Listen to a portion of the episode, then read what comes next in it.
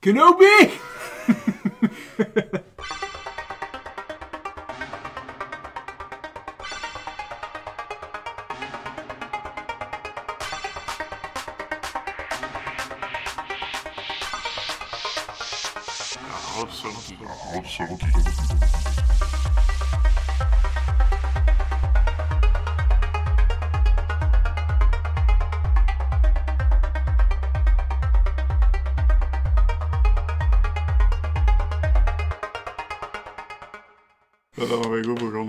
Ja, inderdaad. Eh, welkom terug bij de House of Geek. Eh, ik ben nog steeds Jelle en ik ben hier met... Jasper. Orde. Nou ja, die zit er ook nog bij, ja. en dan zitten we hier nu op het moment dat eigenlijk het meest dode moment is van de aflevering, waarin dat we gewoon een beetje tijd opvullen voor het volgende dungeon niet te snel te laten terugkomen stukje. Ja, maar ik moet er nog eens mee bezig houden. Is er nog iets gebeurd, boys, dat jullie willen delen met het interwebs? Ik heb Elden Ring zitten spelen. Aha, maar jij zei dat je het niet ging kopen. Ik ging, ik ging nog even wachten voor te zien of dat, eh, ze de frames problemen en zo opgelost kregen. Maar ik ben gedwongen geweest door een vriend die zei dat ik het nu moest spelen. Ik mocht niet wachten. Dus ik zou graag even de tijd nemen om mijn eerste paar uren met Elden Ring te overlopen. het gaat een lange aflevering worden. Dus eh, zoals dat soort games is gewoon, het begin is altijd zo'n supposed to lose fight. Dat je dus eigenlijk beengepeerd wordt door een Ah. veel te sterke tegenstander en je moet sterven eigenlijk.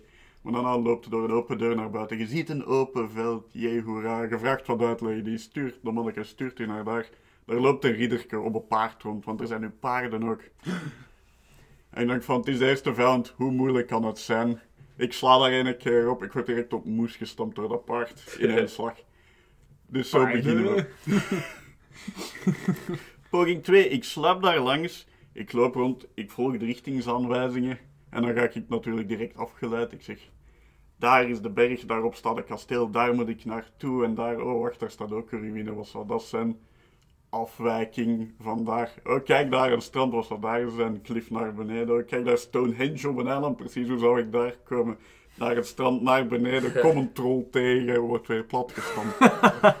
Omdat je nog niet supposed to be there bent Oh waarschijnlijk. ja, je kunt er wel zijn, je kunt er ook wel zijn, maar je moet wat voorzichtiger zijn. Fair enough. En doe, doe zo een paar uur verder en dan vat het wel samen. Loop daar door een veld vol met allemaal kapotte stukken standbeeld. Denk, oh ja, loot verzamelen, ligt er iets interessants, niks. Dat standbeeld dat daar ligt, dat ziet er nog verdacht in één stuk uit in plaats van afgebroken zoals de rest. Er ligt zelfs een wapen naast. Wat een detail, dat standbeeld staat recht, stand mij tot moes. Prachtig. Ja. Elden Ring, het is een fantastisch spel. Het is Dark Souls, maar nu met open world. En ik was direct verkocht. Want ik was dus ook weer, zoals een beetje Skyrim, direct afgeleid door alles. ja. Echt, ik gans hem op. Ik was het hoofdverhaal weer. Dan weet je dat je een goede game hebt. Hè. Dat is de charme, dat is de charme aan een Ja. open world game. Hè. Dat je eigenlijk je eigen ding kunt doen. Hè. Dat is het leuke daaraan, inderdaad. Ja, ik ben ook aan het denken van het te kopen. Mhm. Ja, ik ben een heel saaie mens, dus ik heb niet veel gehad eh, de voorbije weken. Ik heb eh, Obi-Wan op de high ground gezet hier samen met Jelle in de studio. Ja, Obi-Wan staat Eh, en dan ook nog een grappig eh, iets gelezen over Elden Ring nog, eh, onderweg naar mijn werk. Eh, blijkbaar is er al terug, sowieso, dat, dat is logisch, is er eh, al een heel toffe meme eigenlijk ontstaan in de game, dat eh, players, je kunt ehm, dus berichten achterlaten. Ja, Sorry. je kunt berichten achterlaten voor andere spelers en dan, eh, als dat echt helpt en zo, dan kun jij daar eh, instant revives of zo voor krijgen in-game. Maar eh, er zijn dus veel mensen die, die een label plakken op dieren voor mensen te waarschuwen en die hebben overal dog opgeschreven. En Dog. dog in, in Elden Ring is niet goed. Dat zijn vicious animals, die maken nu gewoon kapot. Maar de, de meme is eigenlijk dat mensen gewoon overal dog opzetten. Dus een schildpad die niemand aanvalt in geen enkele omstandigheid, die krijgt dan de dingen dog om mensen dan zo te mis. Ik was Dus- wel aan het afvragen waarom dat ze die schildpad dog hadden genoemd. dat was daarvoor. Ja. maar dus je kunt dat doen en dan kun je ook eh, daar rewards van krijgen als mensen daarmee geholpen worden en zo met die berichten die je achterlaat. Dus dat is wel iets tof dat ik had gelezen Dat eigenlijk. zo berichtjes van spring hier van het cliffvak. Ja, cliff inderdaad, Waar dan ja. niks is. Nice. Ja, trolls. Hè, ja. Als je mensen, als je mensen laat andere mensen helpen, dan weet je dat de trolls het gaan overnemen. Zo simpel is. Eh, heb ik nog iets te vertellen? Eh, ja, misschien één ding. Ik heb een interview gedaan omwille van de podcast. Dat is wel misschien een leuke om te zeggen. Ja, het is gewoon voor een bachelorproef. En omdat ik die, die persoon via via ken, maar het was wel leuk voor, voor een keer gedaan te hebben. Voor de rest heb ik ook een vrij saai leven. het leven van iemand die fulltime werkt is niet zo heel glamoureus. Ehm, nou, ik denk dat we genoeg uh, opvulzever hebben gegeven voor naar het volgende dungeon over te gaan. Dat van het nieuws. Hè. Nieuws, nieuws, nieuws, nieuws, nieuws, nieuws, is dat het nieuws, nieuws, nieuws, nieuws, nieuws, nieuws,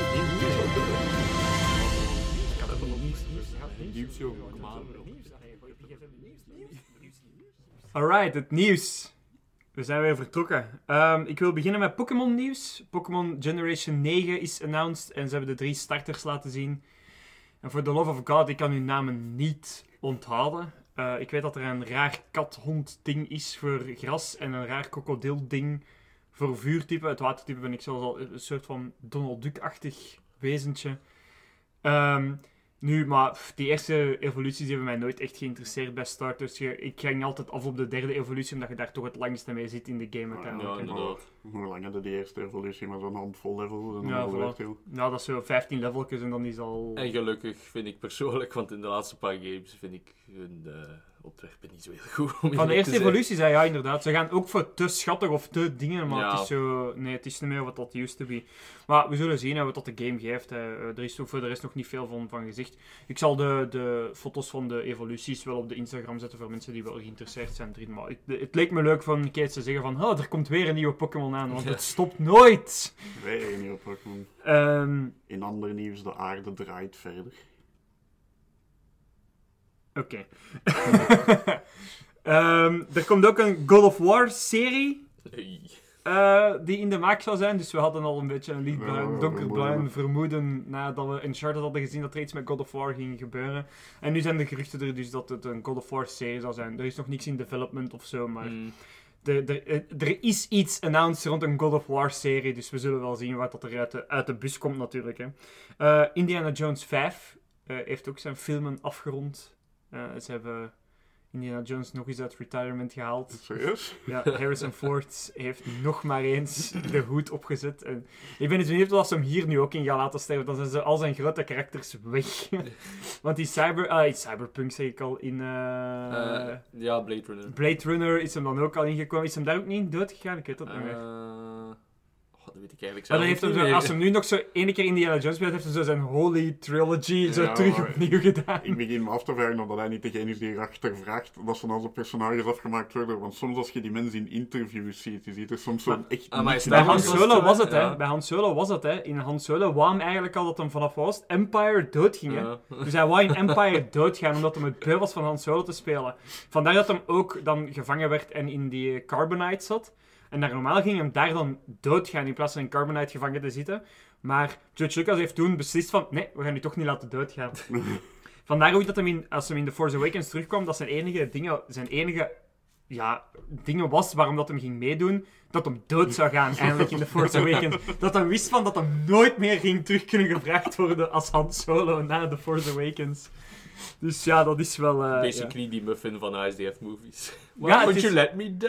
Ja, inderdaad. Allee, dus ik denk wel dat er eigenlijk wel nog iets van waar is. Uh, dat je gewoon in alles wil doodgaan. gewoon voor zeker te zijn dat ze hem nooit meer kunnen terugbrengen. Leave me alone. Dat hem gewoon verder kan met vliegtuigen laten neerstorten en hele dingen en zo. Harrison Ford, fantastische man. Er is een DC League of Super Pets teaser trailer uitgekomen. Ehm, misschien wel de enigste fun fact echt dat erbij zit, is dat Batman ingesproken wordt door Keanu Reeves. Fair enough. Um, want Keanu Reeves is blijkbaar heel hard into voice acting aan het geraken. Allee ja, goed voor hem hè, natuurlijk. Ah, ja, hij is ook Doe Kaboom in... Uh... Voilà, inderdaad, in Toy Story en zo. Um, dus ja, wie weet het, de teaser trailer dat je ziet is redelijk Batman-heavy. Dat Batman zo'n hond heeft en dan zitten ze tegen elkaar op te emoen van wie dat het saidste leven heeft. En zo worden ze vriendjes. dat is eigenlijk basically wat je in de trailer ziet. En dan nog een paar short stukjes van andere super pets natuurlijk. Blijkbaar zal die ook in de cinema uitkomen. Of dat we die gaan zien of niet, dat weet ik Het zal er waarschijnlijk van afhangen of hoeveel andere bullshit dat in de cinema is, of dat we die gaan zien. Want die staan niet echt hoog op mijn lijst voor... Uh, voor te kijken natuurlijk. Maar ik vond het wel leuk voor te vermelden. Dat, het is een leuke kinderfilm waarschijnlijk. Mm. Uh, dan uh, iets dat eigenlijk niet veel met dit te maken heeft, maar ik wou het er toch bij zetten. De mol komt terug. De mol komt terug.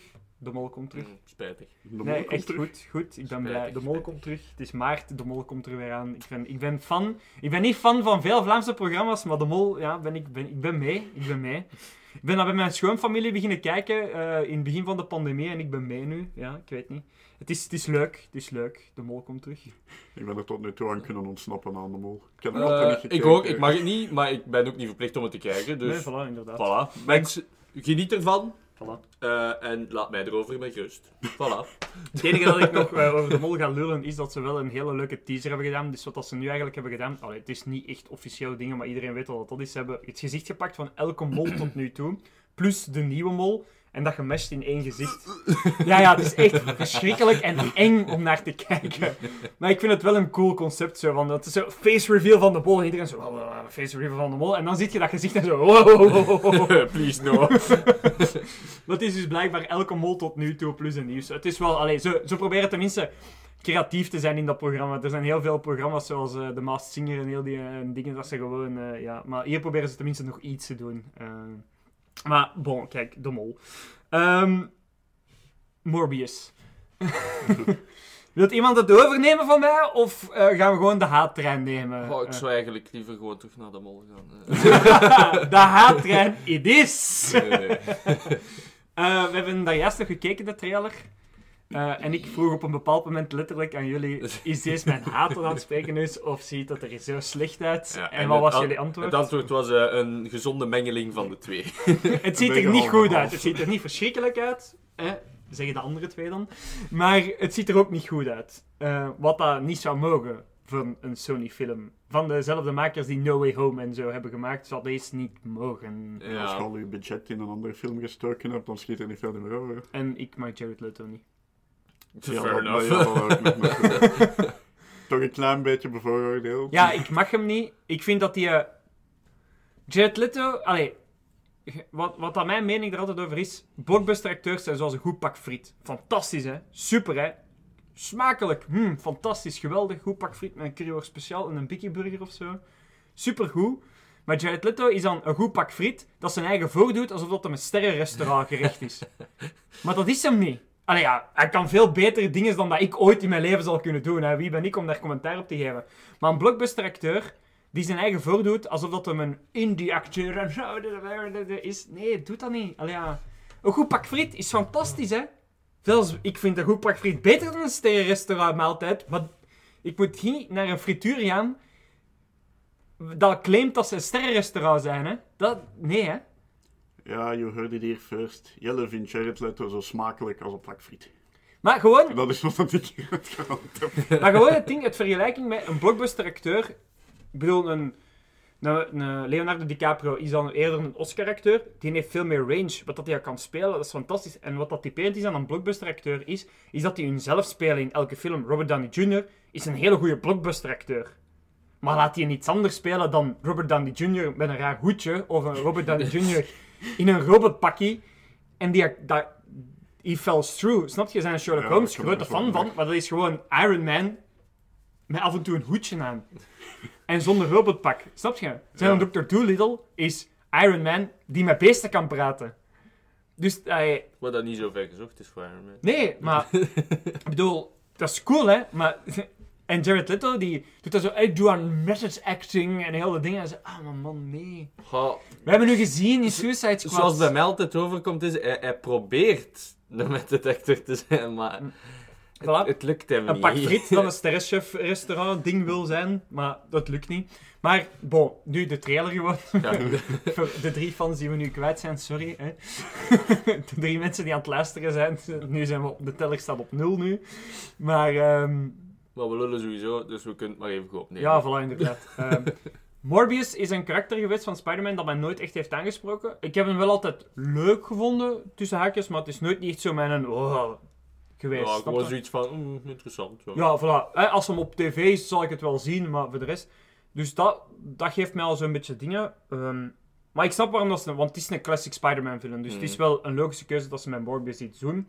Maar ik vind dat ze bij deze trailer te veel Ja, hoe moet je dat zeggen? Misschien is dat omdat mijn introductie van Morbius iets later was, maar in, in de, de begin 2000, wanneer dat ik in Morbius ben geïntroduceerd, was Morbius eigenlijk maar half en half een vampier. Want hij dronk niet echt bloed, hij zoog eigenlijk life essence uit en eerder via zijn handen Mm. dan via zijn tanden echt en zo. Ik weet niet of dat ondertussen al gewetkomt is in de comics, want ik, ik volg dat niet genoeg. En misschien zijn er R-rated comics dat hem echt wel bloed drinkt en Ja. zo.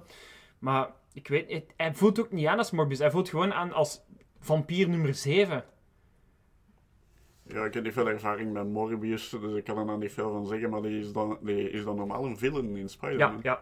Dus normaal is hij En van Blade dan- ook. En Blade. Ja. Ja, meestal als zo met Morbius is, dan komen er zo crossovers van Spider-Man en Blade. Wat dat niet erg is. Nee, inderdaad. maar ja, dat is... Het is, het is maar ik vind dat... allee, ik zal ook de foto's op de Instagram zetten, maar Morbius heeft een hele bepaalde look. En dat hebben ze nu volledig buiten gesmeten.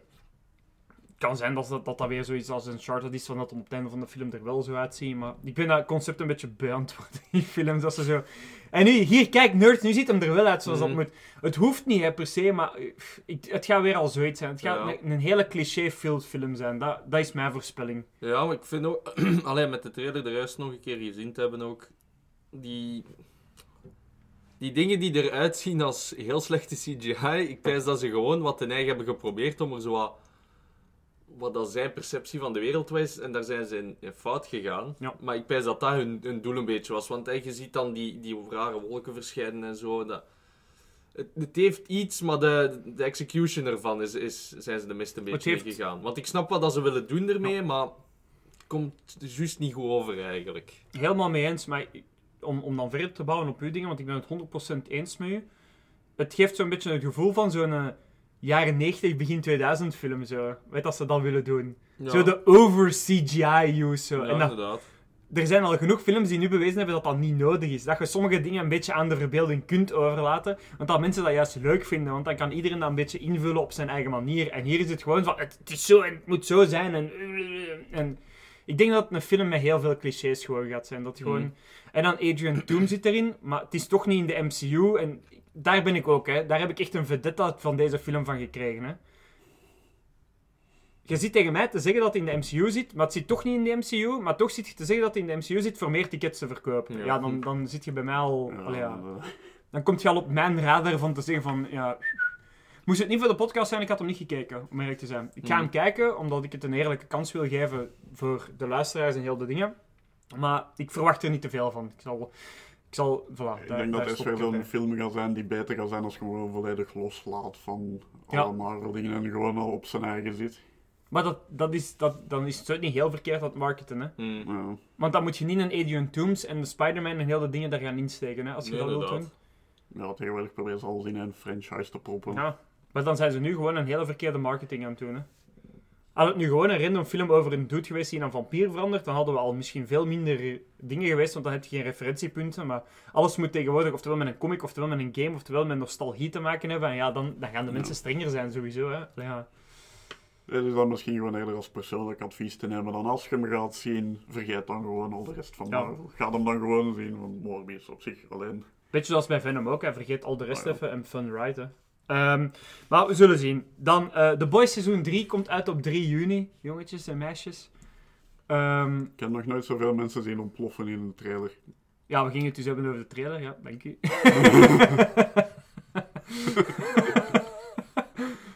Hij is heel excited om over ontploffende mensen te spreken, precies. eh. Ik, eh, ik heb wel meer mensen zien ontploffen dan dat ik in de meeste films heb gezien. Maar seizoen 3 gaat volgens mij nog meer wakker worden dan seizoen Ja. 2. De trailer nu al is zo...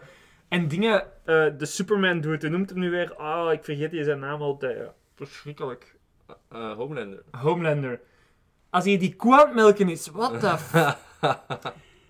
Ja, daar is iets verdacht aan het gebeuren. Maar die was al eh, heel loose in de vorige twee seizoenen, maar ik denk dat ze nu nog echt nog verder gaan gaan, precies. Er is ook iemand met een octopus daar die hem welkom Ja, met, met Aquaman. Die, Ja. Ja.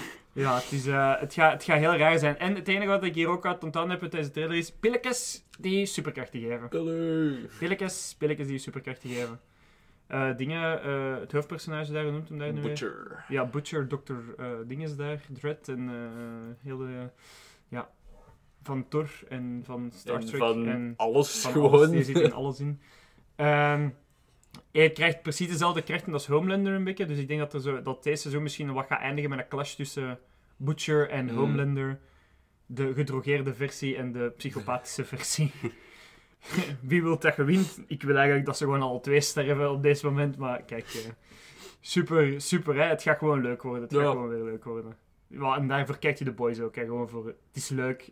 Er worden heel veel botten ingebroken. Ah, ik kijk duidelijk voor het verhaal. Maar ik en Jasper waren we zo aan het bekijken van, what the fuck? Ja. Er wordt in iemand zijn gezicht gekotst, er ontploffen mensen, er worden botten gebroken. Het is gewoon weer fun. En de Pepsi-reclame van eh, dat Pepsi ervoor zorgt dat, eh, pro prote- allee, dingen, dat protesten gestopt worden en zo, wordt erin uitgelachen. Dus ik ben mee. ik ben Pepsi mee. zorgt voor wereldvrede. Ja, ik ben mee. Ehm, dan gaan we, ja, het is nu full trailers Ahoy deze week. Hè. Er zijn zoveel trailers weer uitgekomen. Eh, de Fantastic Beasts trailer eh, is nu ook uitgekomen. De vorige Yes. keer hebben we het dan al gehad over de concept art. En de dag nadat we het hebben opgenomen is de trailer ervan uitgekomen. Maar ja, kijk. Ik vond het een beetje dingen, omdat de trailer heel gelijkend is op de... Op de vorige trailer vond ik het niet de Mm. moeite waard van een bonus eh, in de vorige erin te steken. Je ziet nog meer Grindelwald in deze trailer. Ehm, het enige dat ik wel misschien nog wil aankaarten van de trailer is de, de fight between eh, Dumbledore en Credence. Dat ze zo precies zo in een shadow-dimensie en ook zitten met de Deluminator dat hem iets gaat doen en zo. Mm. Ik denk dat we hier wel even een voorsmaakje gaan krijgen van waarom dat Voldemort zo bang was van Dumbledore. Eindelijk een reden. Ja, ik denk dat we hier wel even te zien gaan krijgen waarom dat Voldemort zoiets was van ja, als Dumbledore erbij komt, dan eh, ben ik eh stilletjes naar huis. Please. ja, en dan, ja, hoeveel geld wilt je wedden dat die eh, Phoenix van Credence, dat dat uiteindelijk Fox gaat zijn, dat bij Dumbledore gaat zitten? Dat, is toch, dat kan toch niet anders? Dat is gewoon een Fox. Eh, dat kan bestaat, ja. Vooral omdat we nog geen enkele andere Phoenix hebben gezien buiten een ene, maar ja. Dat is sowieso Fox, dat kan niet anders. Als je Nagini al in een vrouw verandert voor Nagini erin te stampen in je verhaal, dan zit Fox er ook in. hè. En met Nagini, dat was echt hetzelfde als dat ze Shelob ook in een vrouw veranderd in, eh, wat is dat, Shadow of Mordor. Ja, voilà, dus dat is... ehm, Dat was ook even iets waarvan de fans zeiden van, wacht even, klopt dit? Mm. Eh, maar het ziet er goed uit. Ik denk dat deze film echt wel goed gaat worden. Eh Mads Mikkelsen als Grindelwald ziet er echt wel Ja, dat gevaarlijk ziet er uit. Ja, die man ziet er zelfs als hij geen roulette spelen is gevaarlijk ja, inderdaad. Hè, ja. Dat is zo'n dude als je die op straat tegenkomt. Ja, die ga ik gerust laten. Want ja, als die mij een mot geeft, hè, dan is het gebakken. Maar die speelt dat goed. En ik zie die graag. En die heeft charisma, maat. Mm. Als hij daar met, met eh, de acteur van Dumbledore, allee, zeg het eens, eh, Jude Law, Ja. aan het spreken is daar aan dat tafeltje. Het charisma dat daarvan afspringt van je scherm, dat is gewoon niet oké meer. Die twee, dat zijn charisma-bommen tot en met. En dat moet ook met een Dumbledore en een Mm. Grindelwald. Die moeten, die- dat zijn twee charismatische personen. Hè. Inderdaad. Dumbledore is het toppunt van, van wizardry in de Harry Potter verhalen. Dus ik ben, ik ben echt een fan van Jude Law die, die hem speelt. Want Jude Law die kan dat echt overbrengen, vind ik. Mm. eh. Dat, dat dingen. En ik vind dat Mads Mikkelsen meer kan typen aan het charisma van Jude Law dan Johnny Depp. Johnny Depp is een hele Mm. goede acteur, maar Johnny Depp is vaak de comic relief acteur of de weirdo. Die is niet zo vaak het charismatische personage. Ja, zoals dat je daar zei van Robert Downey Jr., hij speelt vooral zichzelf vaak in films. Goede blockbuster acteur, maar je kunt hem niet... Ik vind dat je Johnny Depp niet echt gevaarlijk kunt laten overkomen, want die heeft altijd zoiets goofy over hem.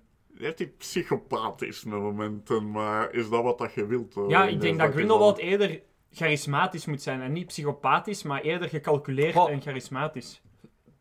Psychopathisch wel, Ja, maar, maar je moet gecalculeerd gewoon een, een psychopathisch, dikke ja. laag. Waarmee eh, verstopt psychopaat Voilà. is gewoon openlijk van, ja, ik ben gek en ik ga Thanos- vermoorden. Thanos maar psychopaat Functioneel eigenlijk, ja. psychopaat. Thanos, Thanos psychopaat is eigenlijk moet een Grindelwald zijn, hè, uiteindelijk. Ehm nee, maar super goede keuze voor Matt Mikkelsen. eh super blij mee.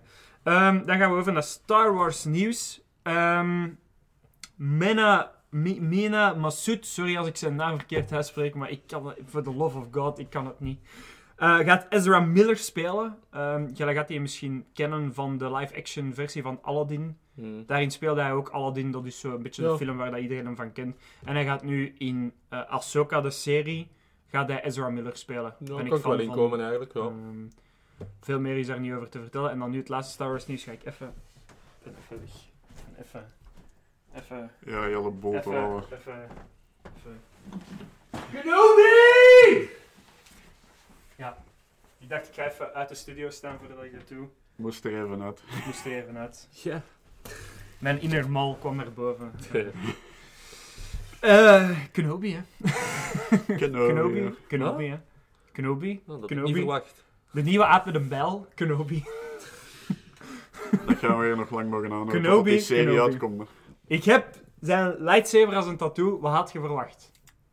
Wat had je verwacht? Wat had je verwacht? Kenobi, hè? Eh, ik had verwa- eigenlijk gehoopt op nog meer, eh. Eigenlijk nog meer. Maar jij zit gewoon niet thuis. Wanneer ik thuis ben. Dus je Ja. hebt gewoon de helft nog niet gezien ervan. Ja, dat is ook Het waar. is heel veel, trust me. Dat is, ook- dat is ook waar. Kenobi, hè? Kenobi, Kenobi. Ah, het begon allemaal op een eh, wonderbaarlijke dinsdag met setfoto's die in de Empire werden eh gereleased. En toen dacht ik van, oh, oh, oh, oh, de trailer is onderweg. Ik voel het. Meestal is dat nu tegenwoordig, als er zo series of films uitkomen, is er zo, de foto's van Empire worden gereleased en dan een paar uur daarna of de dag daarna komt de Mm. trailer. Dus ik had zoiets van, mm, mm, mm, en dan was hem daar, hè. Ja, hij was daar, hè. Ja, leuk, hè. Ja. En het begint hè, op Tatooine, zand dat wegwaait, want... En ik haat zand. en Star Wars team begint te spelen, en superleuk. En Kenobi begint precies zo een beetje echoey te praten, zo van dat ze verloren zijn en dat alles verloren is en dat ze ermee moeten leren leven. En ik denk, dat kan twee dingen zijn. Zei, Ewan is daar. Ewan! Ewan, kom erbij! De montaar is weer daar. is weer daar. Ehm, het, het- dat kan voor mij, die echoey praat kan op twee dingen slaan. Oftewel is hij met Qui-Gon Jinn aan het praten. Of het is een remembering van episode 3, waarin dat hem eh, de Jedi's die nog in space zijn waarschuwt. Want het is canon dat eh, in episode 3 ehm, heeft Anakin eigenlijk een beacon geactiveerd in de Jedi Temple, die er zegt van alle Jedi kom terug naar de tempel, zodat we u veilig kunnen houden om ze dan uit te moorden.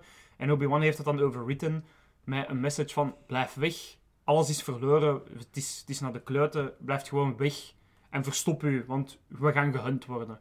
Dus dat kan twee kanten uit. Het is oftewel Qui-Gon dat gaat terugkomen, wat superleuk zou zijn, want ik zou graag Liam Neeson wel eens terug willen zien. Allee, zien sowieso niet, want we weten dat Qui-Gon geen full force ghost kan zijn, maar zijn stem kan, allee, kan wel communiceren met, met Obi-Wan. Dat weten we wel. Of dat, flashback, dat er flashbacks van episode 3 gaan zijn van dingen dat we nog niet gezien hebben. Hm. Eh, Ja, alles in dingen nemen... Allee, neig ik meer naar de... Naar, allee, naar de episode 3 eh, optie eigenlijk. ja, Dat, dat lijkt mij het meest waarschijnlijke dat ze zouden gebruiken in zoiets. ik denk het ook wel, maar het zou cool zijn moest er Het zou ook... cool zijn, absoluut. En ik zou het zeker niet erg vinden, maar ik dat de andere wel, ja, ja, ik optie denk meer... denk meer ook daarmee dat ze ook per se Hayden Christensen wilden terugbrengen als Darth Vader. Mhm. Want Vader heeft een masker aan, dus je kunt daarin steken wie dat je wilt. Ik bedoel, in Rogue One hebben ze ook maar gewoon random dude nummer 7 erin gestoken. Maar misschien met dat er flashbacks zijn naar episode 3, of wat dat er vlak voor of vlak daarna gebeurt, denk ik dat ze Hayden Christensen zijn zoon ook hebben teruggebracht. En waarschijnlijk gaat er ook een moment zijn dat hem zijn masker afzet en dat je dan hem ziet, zoals dat hem in episode 3 eruit zag. Want eh, de fans moeten ook een beetje dik strokes krijgen natuurlijk. Ehm, maar ik denk, ik ben het wel met u eens dat ik eerder denk dat episode 3 dingen is. Maar het zou ook gewoon cool zijn van Liam Neeson zijn stem nog eens terug te Ja. horen. en dan begint het. Begint Duel of the Fates te spelen. En ja, dan was ik verkocht. Hè. Ja, dan, is het, dan is het voorbij. Dus het, het, het volgende stuk is dan Duel of the Fates dat begint te spelen. Dan schakelt het over naar ehm, Battle of the Heroes van episode 3. Eh, met de battle tussen Anakin en Obi-Wan, de final battle.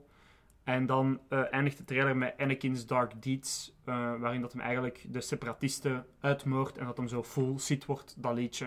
Komt ook in de trailer. Superleuk gedaan dat ze dat er terug in hebben gebracht. Het zijn ook lichte variaties erop. Ehm, en nog een fun fact erover is eigenlijk dat John Williams terug is gekomen uit retirement, speciaal voor eh, Obi-Wan Kenobi. Dus hij was gestopt, maar voor Obi-Wan Kenobi wou hij nog eens terugkomen omdat hij in dat project gelooft. Hm. En waarschijnlijk omdat ze hem genoeg geld hebben betaald. maar het is wel leuk dat hem terugkomt. Ehm willen dat we echt nog die classic Star Wars feel gaan krijgen. Eh, en dat ze de liedjes van John Williams nog kunnen gebruiken. Hè? Want uiteindelijk, als hij er niet bij in het project zit, kun je in principe zijn liedjes niet gebruiken. Dus waardoor dat we echt nog wel veel meer callbacks gaan kunnen, kunnen krijgen naar die prequels en de sequels en, Mm. en whatever. Ehm, van dingen dat erin zit. Ehm, ja, dus als, als we dan overschakelen naar Duel of the Fates, gaan we over naar een hoofdkwartier in het midden van de oceaan. Ehm, dat is in het Mustafar-systeem, waar dat dus ook Mustafar zit. Het, dat systeem is nu overgenomen door, allee, cadeau gedaan aan Darth Vader om te rulen op zijn eigen. We hebben de, dat hoofdkwartier al eens eerder gezien in... oh, ik ben echt aan het blanken op de Jedi game. Fallen, O- Fallen Order. Ik was daar straks het echt nog in mijn hoofd aan het opnoemen en ik moest het zeggen en het was weg. Mm. In Fallen Order krijg je dat ook te zien, want dan gaat je als Kel eh, op het einde van de game, komt je in die base terecht, waarin dat je dan moet gaan lopen voor je leven van. Vader. Ja, daar was ik dus naartoe Oh, aan, sorry. aan het werken. Eh, waarin dat je van Vader moet gaan lopen en dat is dus de Inquisitorium, eh, waar dat de Inquisitors zitten. Dus dit is dan ook de eerste live-action introductie van de Inquisitors. En we hebben er al drie gezien. Ja. Ehm, de, de Grand Inquisitor zit erin. De Fifth Brother zit erin. Die ook gespeeld wordt door Han van de Fast and Furious. Ik Mhm. weet zijn, zijn echte naam niet, maar ik spreek altijd zo over dingen. Dus het is Han van de Fast and Furious. En eh, Riva, en dat is een nieuwe Inquisitor. De enige reden waarom we weten dat ze een Inquisitor is, omdat ze een rode lightsaber boven haalt en Jedi's hunt. En dat is dus gewoon een Inquisitor dan. Ja. We, zijn, we zijn ervan uitgegaan dat het Ja, een maar Inquisitor het is, is, maar, het is De wel kans is groot. Zij zal waarschijnlijk ook de main Inquisitor zijn die getasked is om Obi-Wan te hunten, denk Mhm. ik. Ehm, ik denk dat de Fifth Brother eerder gewoon toevallig op dezelfde planeet als Obi-Wan gaat zijn. En dat de, de Grand Inquisitor, dat zijn enige ding eigenlijk gaat zijn, is de briefing bij Riva. Ja. Hoe dat ze Obi-Wan kan te pakken krijgen. Ehm, en mijn theorie is dan ook direct van dat Riva gaat falen. En dat dan Vader tevoorschijn gaat komen voor die battle met Obi-Wan. Want dat is meestal ook hoe dat ze Vader hebben gebruikt met de Inquisitors in Rebels. Dat als de Inquisitor faalt, dan in één keer roepen ze Vader op. Het is zo altijd zo een paar keer geweest van... Als de Jedi's te veel aan het winnen zijn tegen de Inquisitors, Mhm. dan sturen ze Vader voor te zeggen van... Kom, eh, ruimt hij maar uit de weg. Ehm, We lopen de Inquisitors weg. Vader! We worden gepest door de Jedi. Ja, voilà. Eh, dus eh, ja, Inquisitors zijn eindelijk ge- geïntroduceerd. Wat zijn de Inquisitors? Inquisitors zijn fallen Jedi eh, die naar de dark side zijn gevallen, maar geen full Sith zijn. Ehm, de, de Grand Inquisitor is bijvoorbeeld ook een van dat vroeger de Temple Guard, een, een Temple Guardian was van de Jedi Temple. Die eh, eigenlijk naar de dark side is gevallen, omdat hij gezien heeft wat er toen met Ahsoka is gebeurd in Clone Wars. Dat hij onterecht is opgepakt voor dingen dat, er niet, dat zij niet gedaan heeft. En dat ze direct uitgecast is. En zo is hij eigenlijk beginnen twijfelen aan de Jedi's. En zo is hij uh, stilletjes naar de dark side kunnen overrollen en de Head Inquisitor kunnen worden. Eh, die sterft dan ook in Rebels. Maar ja, Rebels speelt Mm. zich af... eh, wat is dat? Vijf, zes, zeven jaar na... Dat speelt zich echt maar pas twee, drie jaar voor eh, een New Hope of Mhm. Rebels. Dus dat is... Ja, en het toffe ook met de Grand Inquisitor is dat hij ook... Hij is de reden waarom dat, eh, het ook zo makkelijk was om de tempel over te nemen. Want hij had Ja. eigenlijk voor de invasie van Vader zelf... heeft hij ervoor gezorgd dat de andere Temple Guards al gedood waren eigenlijk door hem. Omdat hem eigenlijk al gevallen was voor de dark side, voordat alles begon. Ehm, wat kan ik hier nog over zeggen?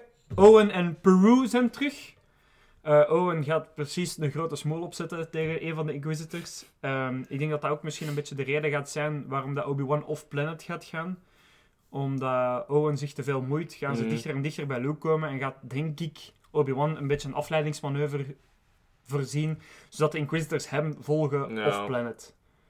Ehm, hoe dat hem dan daarna terug naar Tatooine kan gaan, dat weet ik niet. Misschien dat, dat Riva doodgaat en dat dan niemand weet dat hij op Tatooine heeft gezeten, dat enkel zij dat weet of zo.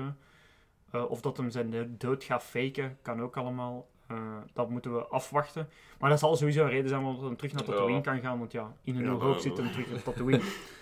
Ehm, dus ik denk dat dat een beetje de reden is waarom dat op Off-World gaat. Ehm, de Off-World naam ben ik kwijt, maar ik weet dat het, het is eh, gebaseerd op Modern Shanghai. Eh, dus het gaat zo, ja, zoals dat je al in de trailer hebt gezien, heel neo-y, eh, flashy. Dark gothic neon Mm. dingen. Ik vind dat wel een coole setting. eh, Ja, en eh, ook, dat, dat, dat is ook... ehm, je hebt een stad gelijk eh, dingen in Star Wars. Gelijk... ehm, ja, ja. ja, Inderdaad. waar dat de Senate en zo zit. Ik ben de naam Coruscant. blankt. Voilà. maar je hebt daar eigenlijk een soort van dark versie van, waar de alle scum van de dingen Maar is dat confirmed dat dat deze stad is? Ah, wel, maar het is niet confirmed dat dat die stad is, maar dat is ook eh, een deel van de dingen geweest, blijkbaar. Ja. Een deel van de... Inspiratie. voilà. Yes, alright. Ja, dat is wel cool. Wie weet, dat is het een beetje meer een underground stad. Het zou logisch zijn dat hem naar daar dan gaat. Ja, voor, voor een beetje, ehm, te zien voor daar ze terug kwijt te geraken. Ehm, ik denk dat dat een beetje het, het ding is dat ik wil eh, vertellen over de Mhm. trailer. Dus Obi-Wan gaat off-world gaan. We zien hem niet zijn lightsaber gebruiken. Ik denk dat hem heel weinig zijn lightsaber gaat gebruiken. Ik denk dat we pas echt zijn lightsaber gaan zien als hem Reva bevecht en als hem Vader bevecht. Dat dat Mhm. echt zo pas de laatste afleveringen gaat zijn. Want dat is ook zo typisch Disney voor zoiets te laten voor de laatste episodes. En het is ook gewoon niet slim van... Maar in dit verhaal is dat logisch. Ja, voilà. Ze hebben het nu tenminste logisch is Maar-. Ik denk wel dat deze serie een ander niveau gaat zijn nog dan Mandalorian zelfs. Eh, Mandalorian is supergoed, maar deze gaat nog... Dat kan niet anders, dat deze nog een paar niveaus hoger Mhm. is. Eh, alles staat gewoon perfect op één lijn voor van deze de beste Star Wars serie sec te maken tot nu toe. Ja, en, Ehm. en ook in deze trailer was er maar één ding dat ik iets minder vond. Dus dat is ook al goed dat maar één enkel En klein... Maar gewoon, ik vind dat ze de Grand Inquisitor een beetje beter hadden kunnen aanpakken. Ah, het is zo eh. Ja, nee, dat- ergens wel, want ik vind dat... Je hebt gelijk, zijn, zijn bouw klopt niet Nee, 100% want met... de rest wel, hè. Die, die groeven in zijn hoofd, Ja. dat bij zijn soort horen, goed gedaan. Die, allee, die tekens dat hij op zijn hoofd heeft ook, die zien er heel goed uit, maar hij heeft een te ronde kop in Ja. de trailer. Inderdaad. Maar dat is effectief het enige in heel de trailer dat ik effectief zoiets had van... hmm, Ja. Dat Nee, misschien dat is- een beetje beter gekund. Dat is ook iets dat daar een consensus dat over, over heel het internet verspreid Ja. is van, van die dingen. Ja, er zijn allemaal belachelijkere kostuums Want aangedaan, hoe- zo moeilijk Want hoe weinig problemen dat ik had met hoe dat ze Cat Bane hebben gedaan, heb ik bij deze dan weer wel.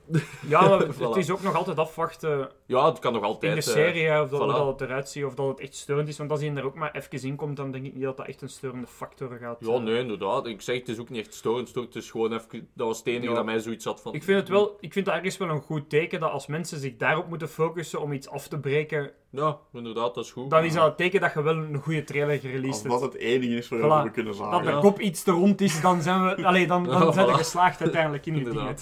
Ehm, nee, want dat is... eh, ja, en dan op het einde, ja, komt de... En dan hoort je de... Ja, dan weet je genoeg, hè. Ja. Allee, het was al confirmed dat Vader... Ja. Er is al concept art dat, dat Vader erin komt en zo. Ehm, maar ja, het Of is... iemand met heel erg astma. Ja. Ja. Psych, it is grievous. en als je goed luistert, hoort je... Ehm, nee, super cool, hè. Ehm, denk Gelle dat Mal erin gaat zitten? Dat is misschien nog het laatste dat ik wil... eh, Ik denk het niet. Ik denk het ook Het niet. het zou Misschien- te veel worden, denk ik. Misschien wordt hij vernoemd of zo, dat wel, maar ik denk niet dat hij er echt effectief gaat inkomen. 2. Maar er komt geen seizoen 2. In dat geval niet. Er komt geen seizoen 2. Het gaat zes, een short serie zijn van Mm. zes, een laatste hoera van Obi-Wan. Allee, zeggen ze nu, hè. Tot als het populair genoeg is en dan komt er een seizoen 2. Ja.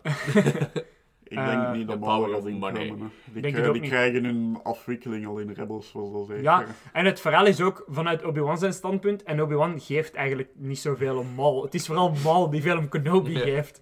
Maar Kenobi geeft geen Red's ass om Maul uiteindelijk. hè, want die is gewoon bezig met Vader en zijn oude student die gevallen is op de dark side en zo. Dus dat is... Het, het zou wel logisch zijn als het echt vanuit Obi-Wan zijn standpunt is dat Maul zelfs niet vernoemd wordt. Want ik denk dat Obi-Wan er nu echt even niet mee bezig is. Eh, met, met, met Malken die aan het rondlopen is ergens. eh. Ehm, nee, dan eh, gaan we hier het nieuws afsluiten, denk ik. Ehm, en dan gaan we over naar... Ik ben aan het blinken. Dan gaan we nu over naar de Kingsman review.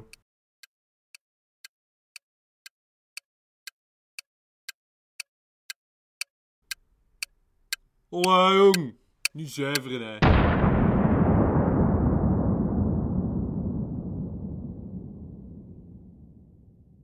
Yes, we gaan verder, verder, verder met eh de Kingsman. De King. Sman. Ja, nee, de Kingsman. En voordat we verder gaan, wil ik even de scheidlijst er weer bij halen en Arne erop zetten. Want naar alle oude traditie heeft er weer maar twee man het dingetje bekeken dat we gingen bekijken. I'm doing my part.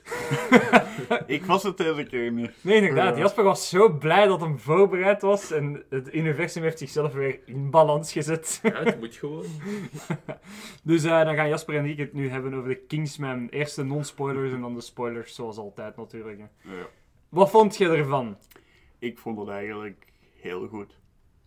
Ik uh, heb gaan mezelf vooral met ehm Voldemort daar, ik vergeet de naam van die Voldemort, hè? altijd. Voldemort. Voldemort met de neus. Dat Ralph Fiennes? Fiennes? Ja, Ra- Ralph Dingskes Voldemort. ik vond dat hij het heel goed gespeeld heeft. Ja. Waar ik wel verbaasd van was van hoeveel dat hem daar nog in heeft kunnen steken eigenlijk. Het, het verhaal en al. Het hangt allemaal weer wel los aan elkaar. Maar het is Maar Kingsman, hè. Ah, Het is Kingsman, Het is wat Kingsman, hè. verwacht er anders van? Kingsman, de fastfood onder de films. Allee, ja, het is, allee, het is Kingsman, hè. We Voor- hebben een, een discussie gehad hè, in, de, in de vriendengroep, dingen dat we zitten op Messenger, van, eh, dat een van onze vrienden zei, ja, ik vond het een beetje cliché en dit en dat. Ja, dat is Kingsman. Ja, dat is het nu, dat That's is Kingsman. point. Ja, inderdaad, dat is het dingetje juist. Het is, het is cliché, het is over de top, maar dat, dat maakt het juist zo Dat was, leuk. dat was hetzelfde als dat we met uh, Uncharted hadden, dat we zo het gevoel hadden van oh, het is weer een typisch Ja. avontuur, zo van en ze vinden de schatkaart en de schat en zit onder de stad, maar niemand heeft dat eruit gevonden. En deze was hetzelfde, deze was zo'n James Bond level, zo van... Dat Maar zo'n heel spoor James Bond, van... ja, Maar inderdaad. dat zo'n heel spoor van dingen volgen die zo ergens compleet onlogisch zijn, dat je niet kunt indenken dat iemand dat ooit zo in het echt zou doen. Ja, dat maakt het fantastisch. Dat maakt het juist leuk. En ook gewoon dat er, een, er is een connectie met, met alles eigenlijk. En ze nemen elementen van dingen die echt gebeurd zijn. Ze vertienvoudigen het wel en ze maken het veel groter dan het is. Maar ik vind dat wel altijd leuk als films de moeite nemen van toch accurate dingen er ook in te steken die echt zijn gebeurd. Ehm, en het is, het is ook gewoon een leuke tijdsgeest hè, rond Wereldoorlog 1. Het is leuk. Ja, hè. het, is iets anders. Ja, inderdaad. Het begint zelfs voor Wereldoorlog 1. Allee, de, de, de prologue van, van de film gebeurt voor Wereldoorlog 1. Dat is ook gewoon een keer iets leuk van, van te zien. Want Wereldoorlog 2 is wel altijd het prominentste dat naar voren Er wordt komt. maar heel weinig verteld over de boeroorlogen daar in Ja, Zuid-Afrika inderdaad. eigenlijk. Met de eerste concentratiekampen daar. Dat was, Ja, eigenlijk eh, dat de Britten eigenlijk een van de eerste ja. waren die dat deden. Hè. commentaar eh, erop. Maar ja, hè, dat, dat zal waarschijnlijk Groot-Brittannië wel willen dat de wereld vergeet, waardoor dat, dat minder in films komt. Maar het is leuk dat, ze, dat we nu eindelijk op een punt aan het komen zijn dat we zoiets hebben van, ja, het is gebeurd, dan moeten we het ook laten zien uiteindelijk. Hè. Eh, Nee. Maar het, is, het, is een, het komt ook vanuit een, een leuk ding van... van allee, sommige dingen zijn wel geshoehorned in, waarom dat ze de Kingsmen zijn en waarom dat ze zo met de, de Knights of the Round Table, dat is zo wel heel hard ingeshoehorned waarom dat het is. Er achterwaarts ingewerkt hebben. Ja, direct zo vanaf scène 1 is het zo van, ja oké, we weten dat dat tot uw einddoel is, maar... Bon, maar voor de rest, het, is, het heeft hele leuke fight scenes. Het verhaal op zich, ja, het is overdreven, maar het is gewoon leuk. Het is, het is echt een leuke film, meer kan dat niet. Ja, in de eerste Kingsman ontplofte iedereen zijn kop in zo'n kleurwolkje. Ja, voilà. zo. Veel Dus- zotter als dat kunnen al niet gaan. Hè. Dus, Maar het is eh, zot, maar anders zot. Snap je? Ze zijn niet erover gegaan, maar ze hebben het gewoon anders gedaan. Want dat het is niet eigenlijk- belachelijk. Het is gewoon... Niet minder de comedy erin. Ja, Nog dat wel wel. Amusant, maar niet grappig. Haha, grappig. Nee, de- want er komen echt wel hele grote dieptepunten in. Oké, in, de, in de eerste Kingsman was dat ook wel, hè, wanneer dat... eh, ja, ja. de, de, de, de dingen van Egerton, de, Hmm. de, de mentor daar in die kerk, daar Hmm. iedereen vermoordt en dan zelf doodgaat. Allee, ja. Er zijn wel bepaalde momenten Ja, dat... het heeft die donkere momenten, maar het heeft niet die echt slapstick comedy momenten Nee, nee, dat de inderdaad. 1 en de 2 Nee, inderdaad, dat is wel... Maar bij de twee vond ik het dan weer zo die stap te ver gaan. Eh, bij, de, bij de Kingsman 2. Eh, vooral als ze dan zo met die Amerikaanse variant van de Kingsman begonnen en zo. Dat vond ik dan zo, ja... Oké, leuk was Channing Tatum in die film, leuk. Maar meer, veel meer waarde had dat ook niet. Ehm, maar ik vind dat deze... Hier zijn ze een ander spoor ingegaan. En wel met het Kingsman sausje erover natuurlijk, maar... Het, het, het, het was leuk, het was echt leuk. Het is heel aangenaam, het staat gewoon op Disney+. Plus. Kijk het gewoon. Als je niet weet wat kijken, kijk het gewoon. Ik denk dat we nu beter overgaan naar de spoilers. Eh, Ja. Want ja, echt veel kun je niet meer vertellen zonder, zonder te spoilen uiteindelijk. Hè. Want het is echt van moment 1, zit er echt gewoon plat in, hè, in het verhaal. Ja, er is niet veel opbouw. Nee, voilà. Dus eh, dan gaan we nu over naar de spoilers. Spoilers! Spoilers! Spoilers! Als je dit alarm hoort, komen er spoilers. Rasputin. Alleen al, alleen al daarvoor zou ik die film aanraden. aan Amai, maar dat is echt los mijn favoriete stuk van die film. Hè. Echt, dat is niet oké. Die Rasputin-scènes zijn fantastisch. Amai, die jongen. Als hij daar zo balletdansend begint te vechten. Oh, manneke, dat is zo goed gedaan. En als ze daar die taart dan opeten en dan gewoon zo begint te spouwen. Zo, dat ze, die taart zit vol met cyanide, dat ze die kunnen vermoorden. En die zo Oh ja, die taart, ja, best lekker. En ik gewoon zo... Alles is er terug uit. Dat is zo, Wat? Maar blijkbaar klopt dat dus met de legende van, van eh, Rasputin ook. Mm. Want ja, Daar zijn veel legendes rond. dat ze die proberen te vergiftigen hebben. En dat die dan terug uit de, duid- de- uit de dood is terug opgestaan. Of dat dat niet werkte. En dat ze die dan hebben willen afschieten. En dat ze die echt verschillende keren hebben moeten afschieten. En heel de dingen. Ja, en dan hebben ze hem in, in de rivier ge, gedumpt en dan is hij later zijn bevroren lichaam teruggevonden geweest. Ja, dus dat is... dat, dat is het verhaal daar rond en dan... Nee, dat is de legende er rond. Uiteindelijk zijn ze nu te weten gekomen dat dat natuurlijk... Hè, maar... Ja. Maar met de legende klopt het inderdaad. Ze hebben eh, heel veel geprobeerd om die mensen... En in, in dat is dat eigenlijk ook, hè, want ze proberen die verschillende keren te vermoorden, maar dat lukt gewoon niet, hè. Ja, dat is iets met zijn reputatie alleen al wist ik dat ze de eerste keer dachten dat ze hem zo dood hadden gekregen. Ja. Wist ik, ja, dat gaat sowieso terug rechts. Sowieso dat hij nog terugkomt. Maar het was echt goed gedaan, hè. Wauw. En wel, Veel, veel, er zaten veel goede scènes in die film, Ja. vond ik. ook zo wel awkward, vond ik, als zo Voldemort en Rasputin daar zo met dat beending, zo, dat ze dat been aan het wrijven waren. En dan zo... Oh, oh, oh. Maar wel, het was grappig. Het was grappig, uncomfortable. wel- Dat wel.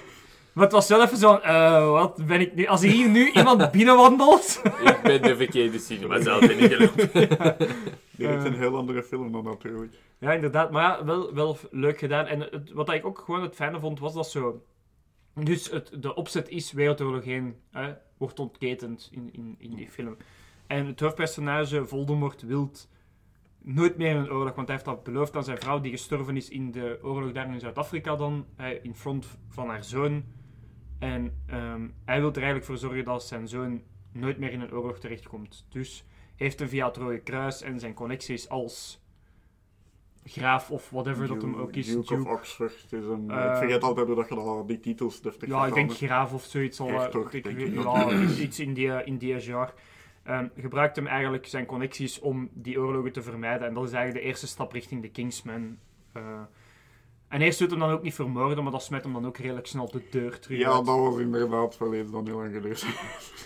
Maar ja, het, het, het, het klopt ook wel in de film, hè, want hij probeert dan eerst het zonder moorden te doen, maar het marcheert gewoon niet. Hè, want allee, ja, Ja, elke als- keer opnieuw loopt hem dan tegen de muur aan, dus ja, heb je op den duur geen andere keuze meer dan het gewoon voor te gaan. Hè, ja.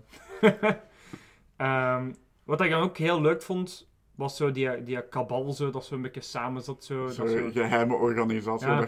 Zo echt zo bovenop een plateau, bovenop een berg, zo ergens. ja, echt zo. Met, met zo allemaal ring- en matching scarves. Zo. Ja, inderdaad. Het was dat wat ik bedoelde, dat soort compleet gezette geheime organisatie hebben die allemaal zo een passende ring Ja. die zo kaart opvalt. En van die felrode sjalen die van zo'n speciale wol zijn die uit maar één Op plaats één komt. plaats op heel de wereld bestaan die geiten maar, maar op één plek. En op die plek hebben ze dan hun hoofdkwartier in plaats van dat importeren van ergens anders. Nee, Nee, daar. nee, Daar. maar kijk, dat is zo. Dat is, dat is gewoon movie shenanigans. Dat is omdat ze die anders niet kunnen vinden. hè. Ja, inderdaad, ja. Want die, die plaats zou zo goed geweest zijn, moesten ze dat geitenwol niet gebruikt hebben. Allee, die satijn van die geiten Dat gebruikt hebben eh, voor, voor die sjalen te maken. Eh, maar da- daarin, in die kabal, zit eigenlijk iedereen. Hè. Dus Rasputin, de advisor van eh, de keizer van Oostenrijk. Allee, wat is dat? Van Duitsland. Ja, van Duitsland, Bij Oostenrijk. Maar toen was dat, maar toen was dat toch nog, in, in Wereldoorlog 1 was dat toch Duitsland-Oostenrijk, hè? Of Oostenrijk-Duitsland? Dat? Duitsland en Oostenrijk-Hongarije. Ah, en Oostenrijk-Hongarije. Was dat niet één ding? Nee? Duits, Du- Duitse Rijk en Oostenrijk-Hongarije. Ah, echt? Ah, oké, ook- amai. Wow. Het is, het is al heel lang geleden. Wow, ja, het is al even geleden. Ehm, Maar en dat dan- is eh, die met zijn monocle, dat is Bernzimo, was het? Ja, ja, ja, dat is Dat, dat, was, dat was me wel opgevallen. Ik dacht, deze gezicht komt me bekend Ja, dat is hem, dat is hem. Maar ja, als je eh, German eh, evil dude nodig hebt, dan eh, gaat Hollywood nogal rap naar die en dude grijpen. Supergoed, hè. Geen, geen dingen van, ik zie die mens graag bezig. Ja, dat is. En dan Rasputin zit daarin om dan de, de Russische tsaar te Ja. manipuleren. Matahari, zo Ja. bekende spionnen was dat, dubbelagent voor hier of daar. Het is nog altijd niet zeker. Wie hadden we daar nog? Lenin komt er ook Ja, eh, Lenin komt er ook even in. Nadat de, de dingen dan, nadat Rasputin gefaald heeft eigenlijk met zijn dingen, eh, komt Lenin erin. Ehm, Dat is echt zo'n paar van al die grote de namen uit die, die de, die tijdsperiode. dingen heeft eh, afge, afgeschoten, eh, Frans Gav- Ferdinand heeft afgeschoten. Gavrilo. Ja. Die, die komt er ook in. En een leuk feitje dat ze er ook in hebben gestoken is, en wat dat waar gebeurd is, is dat hij een eerst een poging heeft gedaan om Frans Ferdinand te vermoorden, dat hij gefaald is, en dan random in een café ging, zijn verdriet verzuipen, en is- dat eigenlijk door zijn aanslag ze de route hadden veranderd, zodat ze niet meer wisten wat dat hem ging passeren. En die passeerde toevallig voorbij dat cafeetje waar dat hij een dood zat, waar dat hij een tweede kans had. Er echt per ongeluk Ja. een doodlopende straat ingegaan. Ja, en, en dan, dat was toevallig in dat café waar dat hij zat. En dat stak ook in deze film. Dat vond ik wel een leuke not, want dat is echt gewoon echt gebeurd, hè. Dus die tour die kwam, die kwam in een doodlopende straat waar dat hij een dude op café zat, waardoor dat hij nog naar buiten kon lopen en toch Frans Ferdinand kon afschieten. Dat is toch fantastisch? Hoe dat het stomste toeval dat je hebben. Ja, en als dat niet echt gebeurd was, dan zou je in die film zeggen van ja, kom aan. Maar dat is gewoon echt gebeurd. Dat is fantastisch, hè? Allee, ja. Dat zijn zo van die momenten dat zo fictie en de werkelijkheid zo Ja, dicht tegen inderdaad, dat is echt, dat is echt geweldig. Maar het is gewoon een superleuke film ook. En dan, eh, het gaat ook verder met zijn zoon dan van Voldemort, die dan toch in Wereldoorlog 1 verwikkeld geraakt en daar dan ook in sterft. Want als we één ding weten van Kingsman, niemand is veilig in Kingsman. Nee. Niemand. Het, was, het was ergens wel verrassend dat hem zo stierf. Dat Ja. was wel...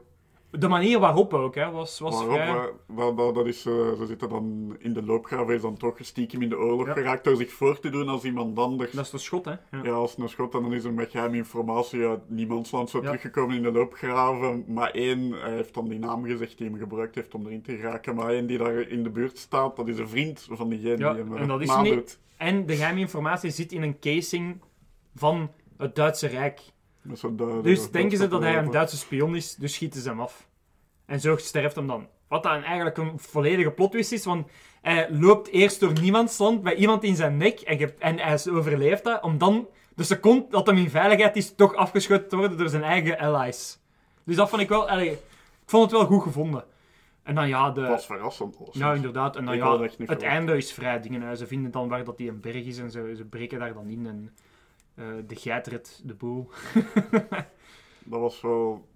Oh, we hebben terug naar dat hij zei... Dat vond ik heel goed gespeeld van eh Vol Van Voldemort. daar, dat hij zijn zoon daar gestorven was. Ja. En zo die breakdown heeft. Ja, inderdaad. En inderdaad. die is dat je zo moeilijk echt goed krijgt. Ja. Dat ik gedacht in films zo echt zo deftig, zo dat verdriet. Ja, je, Ja, maar- je mag nog zo'n goede acteur zijn, en dat is een van de moeilijkste dingen dat je kunt gevraagd Inderdaad. worden om te doen. Om, eh, Maar hij heeft het echt- heel goed gedaan. Heel goed Die gedaan. legt daar Echt. zoveel emotie in. En die begrafenisscène was ook met Ja, dat inderdaad. Dat was, dat was zo echt dat verbazingwekkend zo ineens kei zwaar. Precies Ja, als op kop. En dat is dan eigenlijk echt het startpunt van de Kingsman zoals dat wij het kennen. Hè. Hmm. Dan gaat hem echt alles op alles zetten om die oorlog te stoppen.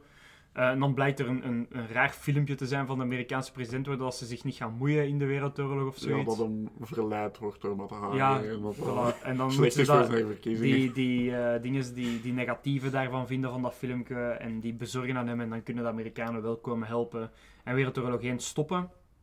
Ehm, en dan de bad guy, dat vond ik wel... Dat was zo... Ik weet niet, ze, ze lieten die dan altijd zo in shadow en was zo... Is dit dan de reveal? Gewoon een dude die zo af en toe zo in de achtergrond zo... Hallo, ik ben er ook bij.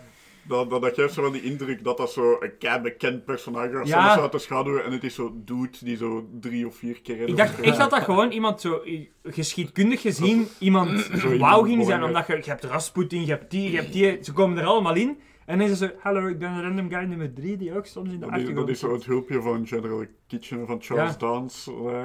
Die, om de een of andere reden moet hij altijd Britse generaal spelen. Ja, inderdaad. Maar, Maar ja, die doet dat ook altijd goed. ja, die doet dat goed. En dat vond ik dan eigenlijk, als ik dan één minpunt, vond ik dat het minste eigenlijk van die film. Het einde was eigenlijk het minst leuke van de film. De opbouw naar het einde was veel leuker dan de eindconclusie zelf, vond ik. wel. Maar ik vond het verhaal ging op zich zo wel los aan elkaar gelegd. Die zegt gewoon van alle verschillende interessante set Ja. Maar hoe dat allemaal samen ging, het ging echt om de Soms, set pieces. soms was het zo van, wacht, heb ik een stuk gemist of zo? Dat, dat gevoel had ik dat, soms dat wel. stuk van in Rusland met Rasputin en dat op die berg voor op het einde, dat staat bijna compleet los Ja, van elkaar eigenlijk. Maar het zijn allemaal zo'n goede stukken wel. Dus daar redt de boel eigenlijk ook. Maar ik denk dat we genoeg eh, gezeverd hebben over eh, Ik- de Kingsman nu. Hè? Dus Ja, ik heb wel nog gevonden dat, eh, want dat is dan met onze, de, de koning en die twee keizers daar, die allemaal Ja. neven waren. Blijkbaar zijn die alle drie, dus dat is dezelfde acteur gewoon. Echt? Dat is ah, leuk. effectief gewoon dezelfde acteur. Want dat was effectief wel een ding in die tijd dat eh, de koning van Engeland, George, en dan Tsar Nicolas, dat die echt als twee druppels water op één leken. Dat was Ah, effectief zo. Als je daar portretten van ziet, die lijken echt Ja, keihard op toen tijd waren dat ook gewoon. Ja, die Ja, waren, waren die waren, niet van, van Saxon-Coburg of die waren allemaal familie van Ja. Want dat was allemaal Ja, van de en, familie eh, van Saxon-Coburg, hè? Of toch Die, eh, die waren verwant allemaal aan... ver- verwant aan koningin Victoria Ja. van Engeland. Ja. En dan. Ja, wij Maar die waren effectief al Ja, die van ons is ook van Engeland gekomen uiteindelijk, hè? Allee, ja, Ja, van. Duitsland, Ja, maar maar ja, van hetzelfde- van ja. hetzelfde huizen. Ja, voilà. Ehm, nee, super. Eh, we Welke rating gaan we deze week geven, Jasper? Eh, ik ga voor vier kogels en zeven messteken en ook één headshot aan Rasputin. Aan Rasputin. Ja. En wat, is dat goed? Is dat slecht? Dat is goed. Oké, ehm, ik ga dan voor... Hij is ehm, bijna effectief dood. Fair enough. Ik ga dan voor drie messteken. Wacht, hoeveel schoten heb jij gegeven? Zeven, hè?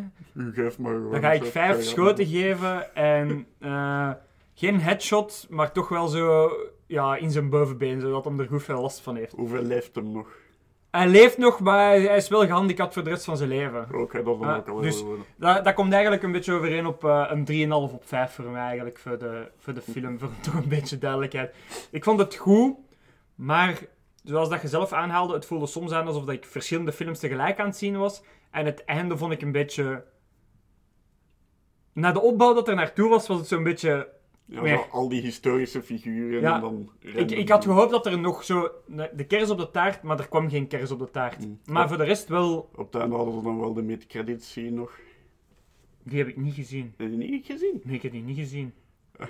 Dat is op het einde je niet?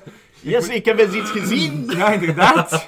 Grijp je kans, de spotlight is on you. Dat is dan met die, die Bernzimo met zijn monocle daar, Ja. die dan eigenlijk de rol van Shepard heeft opgenomen. Staat daar met Lenin eigenlijk, bij zo'n grote kluis vol goud zo. Lenin was daar in de filmen over bezig dat ze zo de linkerhand sterker maken, dus het communisme. Van Ja. hebben ze ook een rechterhand nodig en dan introduceert dus die ene aan Lenin, degene die de rechterhand gaat zijn, komt er zo'n manneke met zo'n Stalin. Ja. Nee, nee. Ah, nee. Dan zegt hij, your name? Adolf Hitler. Ah, De, de rechterhand, hè. rechts, ah ja, rechts, ja. De, de dingen, het nazisme. Fucking Ja, hell. jawohl. Ja, fair enough, goed. In Maar de film was dat degene die, denk ik ook, Tsar Nicolas neerschoot in die scène. Want er was even zo kort die scène dat er Ja. zo iemand die neerschoot, dat was zijn ene dan. Ah, cool. Denk Ja. ik. Fair enough, ja. Eh, ja, leuke plot twist, maar gaat er ooit een vervolg komen? Ik weet het niet, want hij heeft eigenlijk box office-wise het niet zo wauw gedaan. Ik weet ook niet of dat per se nodig is, want Nee. je weet hoe dat vooral verder gaat, Ja, voilà. basically eigenlijk. kunt Maar dan zit je weer in het cliché... Allee, het cliché is misschien een zwaar woord, maar het cliché Wereldoorlog 2 verhalen. Ja, Eh, de setup is gebeurd, maar ik weet niet of dat het moet. Dat Het hoeft niet, inderdaad, het hoeft komen. Nou, nu kunnen we de Amerikanen volgen. Hè. In Vietnam. Voilà, inderdaad. Ehm, ja, dan gaan we over naar het eh zevermomentje, hè. Eh, waarin dat we Batman, Batman, Batman gaan spreken. Al de Batmans. Alle Batmans.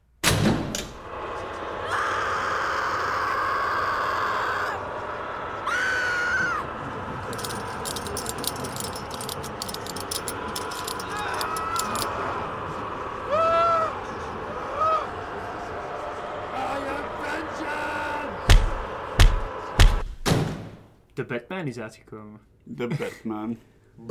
De Batman is uitgekomen en nu gaan we een eh, Spider-Man-esque episode doen over de Batman. Spider-Man. Ja, eh, vergeet. Fuck de Batman. We gaan het over Spider-Man hebben, want elke kans die ik krijg om over Spider-Man te praten, zal ik grijpen. Nee, nee.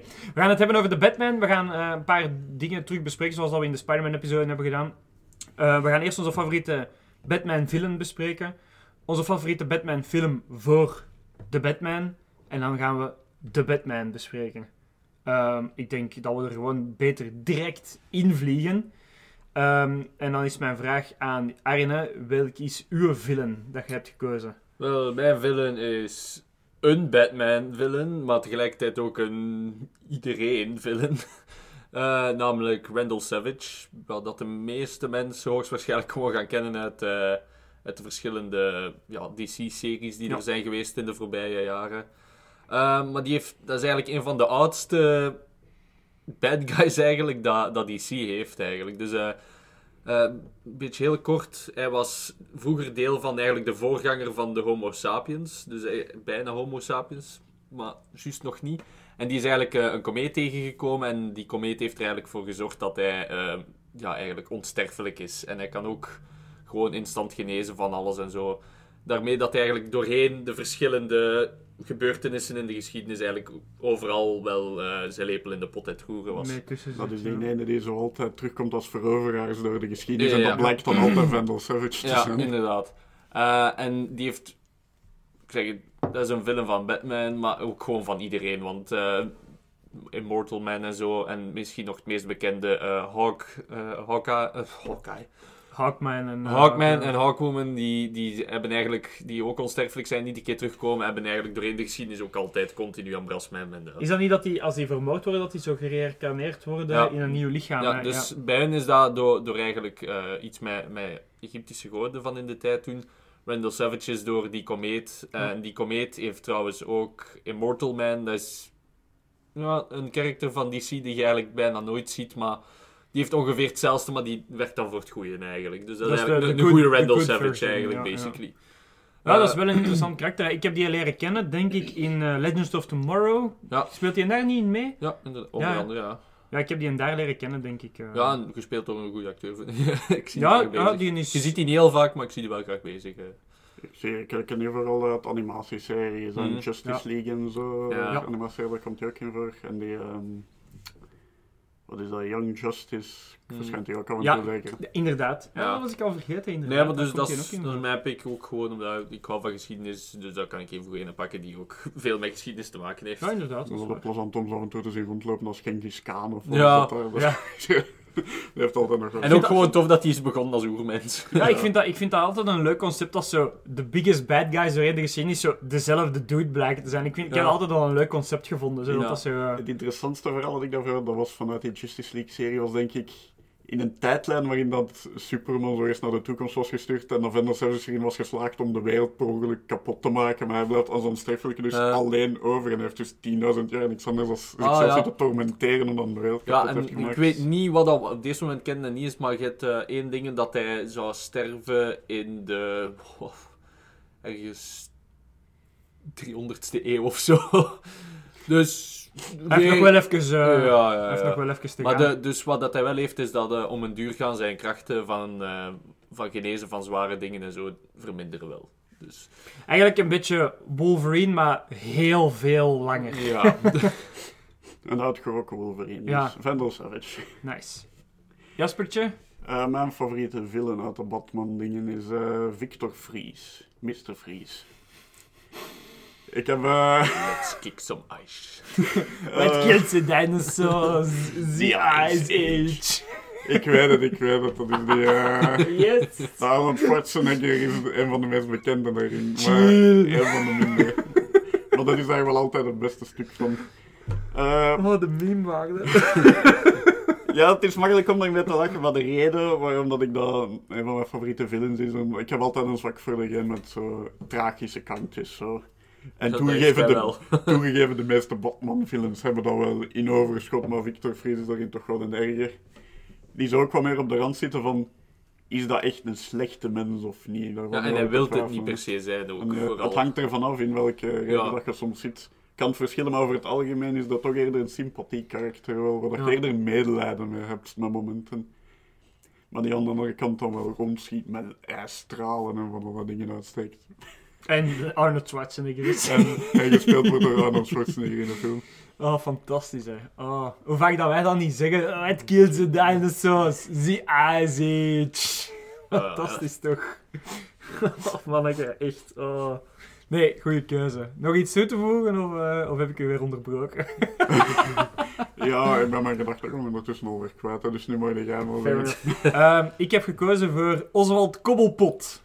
Eh, a.k.a. de Penguin. Ik heb eigenlijk een interne strijd gevoerd tot twee minuten voordat we dit zijn beginnen opnemen. Tussen Scarecrow en Oswald. Maar ik denk dat ik... ehm, De tweelingsbroer van Arnold Schwarzenegger. huh? Danny DeVito. Echt? Die heeft in een film de tweelingsbroer gespeeld met? Arnold Schwarzenegger. Ah, ja, Oh, nee! Dat is waar. Ik ben vergeten dat die film noemt. Twins. Twins. Twins. Fantastisch. Amai, maar de- als je dan Arnold als tweelingbroer Ja. hebt en jij ziet eruit als Danny DeVito, dan zo... Oeh. Ja, je moet Ja, dat was twee eigen. Je moet, die, ja, Ja. Je, moet, je moet die maar een keer zien, dat kapot. Heb dat als tweelingbroer? dan word je toch rot slecht? Graag. Nee. Arnold als tweelingbroer? sure. Ja, oké, ja, fair enough. Ik zou mij rot slecht Als voelen. iemand jou meteert, ik ga mijn broer halen. Hè. Ja, fair enough. Ja, eh. Waarom heb ik voor Oswald Kobbelpot, a.k.a. de Penguin, gekozen? Door, namen, Kobbelpot. inderdaad ook. Ehm, maar ook eigenlijk door de serie Gotham. Ehm, Oh, ja, ik ben al een hele lange tijd fan geweest van de serie Gotham. En ik vond de Oswald daarin fantastisch. Ook omdat hij zo... Die begon echt zoals het rechterhandje, Ja. dat altijd maar neergeslagen werd. En op een duur... In- echt het kneusje was ja, dat ik- zo. hè, en, en, op- en beetje bij beetje werd hij zo meer en meer de crime lord dat dan was. En dan was zo zijn pingwing ding, omdat zijn voeten een beetje naar buiten stonden, omdat hij een handicap had en zo. Maar ik vond ook de acteur... Ik kan niet op zijn naam komen, sorry. Maar ik vond dat hij dat zo goed speelde. En daar ben ik echt, een, echt oprecht een fan geworden van de pingwing als, als personage. Ehm, Dat is inderdaad wel een van de beste weergaven van een ping. ja, ja, echt waar. Ehm, nu ja, de classic Pingwing met de Pingwing bots en hele dingen en zo is Ja. ook wel leuk, maar ik ben eerder fan van echt de, de crime boss, de Pingwing. Dat die ook zo meer gecalculeerd is en meer dingen, maar ook wel heel savage uit de hoek kan komen. En ook, ja, zoals elke Batman-film uit een tragisch voorgrondding komt van gepest te zijn en een slechte moeder te hebben, heel de dingen, heel de Bataclank en dan toch zo zijn eigen op te werken in de underworld van... Want die komt ook eigenlijk van niks en die werkt zijn eigen echt op. Het is niet dat hij van een bepaalde familie komt of whatever. Die heeft echt zijn eigen opgewerkt in, in Gotham als, als crime boss. En ja, die heeft mij eigenlijk altijd aangesproken als villain, om eerlijk te zijn. eh. vooral dan de Gotham-versie, om eerlijk te zijn. Ik vind alle versies van Pingwing nog wel goed, maar dat Ja, is inderdaad wel een van de beste. wel. Sowieso. Maar af en toe zo meer van die campy dingen ook. op. Ja, ja, inderdaad. Ja, ook leuk. Maar als ik een, een top moet kiezen, toch die van Echt, ja, die staat inderdaad van de top. En op het einde van die serie, als dan echt zo eerder zo de klassieke pinguïn in zo'n Ja. festival met zo'n dikke buiken Ja. zijn goed. Zo. Leuk, hè? eh, Leuk dat het daar eindigt, inderdaad. Ja, dat vond ik wel goed. Dus ja, ehm, dat zijn onze villains dan. Nu, we konden ook gaan voor een Joker en een Ra's al Ghul en, en een Bane en heel de dingen en zo. Maar ik denk dat we alle drie een beetje hetzelfde gedacht hadden van niet te... Die zijn wat te groot. Ja, wordt dan voilà. zo wat te blind. Zo. Ja, die voilà. verliezen dan zo soms wel van hun structuur, heb ik het gedacht, zo van die grotere films. Ik, vond, ik had gewoon effectief gewoon die en daar sowieso al mijn lievelings is. Fair enough. Ook echt alles. Ehm, maar ja, natuurlijk, je kunt niet Batman zeggen zonder een Joker te zeggen of zo. Eh, dus dat mag wel een honorable mention krijgen. Oh ja, dat wel. Joker is een fantastische villain, hè. zeker in de animated series met Mark Hamill en zo. Ja, dat is. Dat kun je niet. Maar er zal nog wel Joker genoeg komen in films en hele dingen dat we nog genoeg over hem kunnen spreken. Ja, maar het zal wel zijn. Ehm, en Bane vond ik eigenlijk vooral de Bane van The Dark Knight Rises wel heel leuk. Eh, gespeeld door Venom. Ehm, maar voor de rest heeft hij hem eigenlijk ook niet echt altijd veel aangesproken. Ik vond hij altijd zo wat overdreven. Zo. Oh, ik vond die wel kapot lachen in de geanimeerde series. Ja, ik weet niet, ik heb die, dat heeft mij nooit Ja, die was- was volledige loco. Die was wel goed in die series, maar dat was niet echt iconisch ook niet. Wat er zo'n gekke worstelaar zo Ja. die drugs neemt, is dat... Oh. Maar dan gaan we nu eh, over naar wat is jullie favoriete Batman-film? Buiten dan de Batman nu, die rekenen we er niet bij. Maar anders hadden we allemaal dezelfde gehad. Dat weet ik niet. Ik Nee. weet het niet. Ik denk Arne niet. Nee. Ik denk wij twee wel, maar ik denk Arne niet. Eh, oh, de, de versie met Jack Nicholson Joker. Ja, definitely. hè. Dat, is, dat is de bouwsteen van de moderne Batman-film, hè, uiteindelijk. Ja, maar eh, allee, ook, ik, ik vond die film eigenlijk de perfecte combinatie van echt full-on campy gaan, maar toch nog er iets wat serieuze dingen in steken. Ja, ja. En ik zie altijd Jack Nicholson graag bezig. Die is ook gewoon... Die is ook gemaakt voor, voor zo van die psychopaten te spelen. Psychopaten te spelen. Maar ja, dat is- Dat is wel... Daar is die perfect voor. En ja, ook een goede regisseur. Dat kan ook, al, allee, dat kan ook nooit kwaad natuurlijk. Veel van zijn films zie ik graag. Ja, inderdaad. Ehm, maar ja, dus een goed, well-rounded Batman-film vind ik. Want echt, het droop er vanaf natuurlijk in die film, de campiness, maar je had toch nog genoeg momenten dat je, dat je effectief ja, ziet dat er toch iets wat serieuze dingen ingestoken waren. En dat is- Vulture is ook een goede Ja. Batman. Ja, absoluut. dat is waar. En hij komt nu ook terug in Flashpoint, dus dan moet u wel heel blij maken dat Vulture terug eh, Batman gaat spelen. Toch wel, ja. Ik had gewoon de acteurnaam kunnen zeggen, maar ik vind het leuker zo. Nee, dit is leuk. Ik ken die naam maar toch niet, dus Ja, mij zal Jack- het niks gezegd Jack hebben. Torrance als, eh, als de Joker, dat is... eh, Ja, Birdman, Birdman als, als Batman. Eh wat speelt hij nog?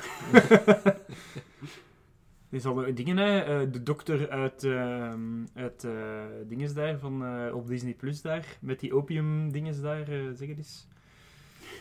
Ah, ja, ja, ja. Maar Ja, Batman, hè, ja. En dingen... Beetlejuice. Beetlejuice, Batman, ja. Amai, wie dat helemaal niet Batman is tegenwoordig. Ja, dat is Ja, allemaal dezelfde dude. Mr. McDonald's, Batman. Ja. Maar de Beetlejuice Batman vond ik toch de beste. Ja. Ja, die die kon de eh, Joker echt goed. Ja, inderdaad, inderdaad. Eh, Jasper?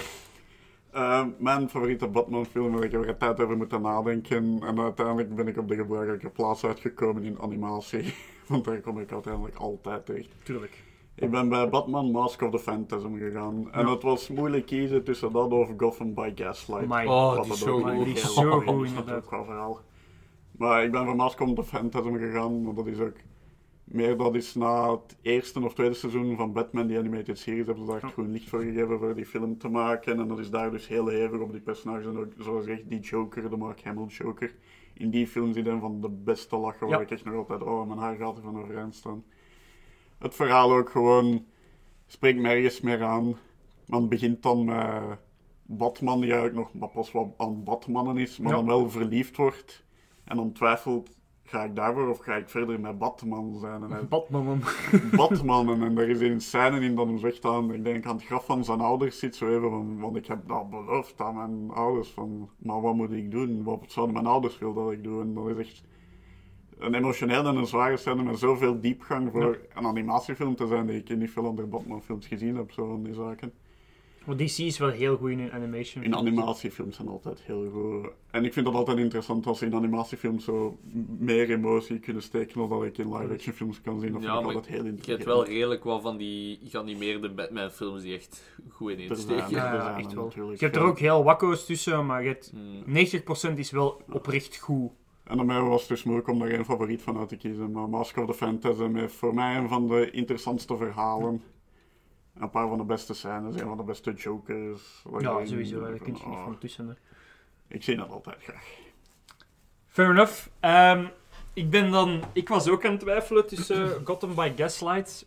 Maar ik ben dan voor de meer mainstream film gegaan, The Dark Knight. Want je kunt geen Batman podcast doen zonder The Dark Knight.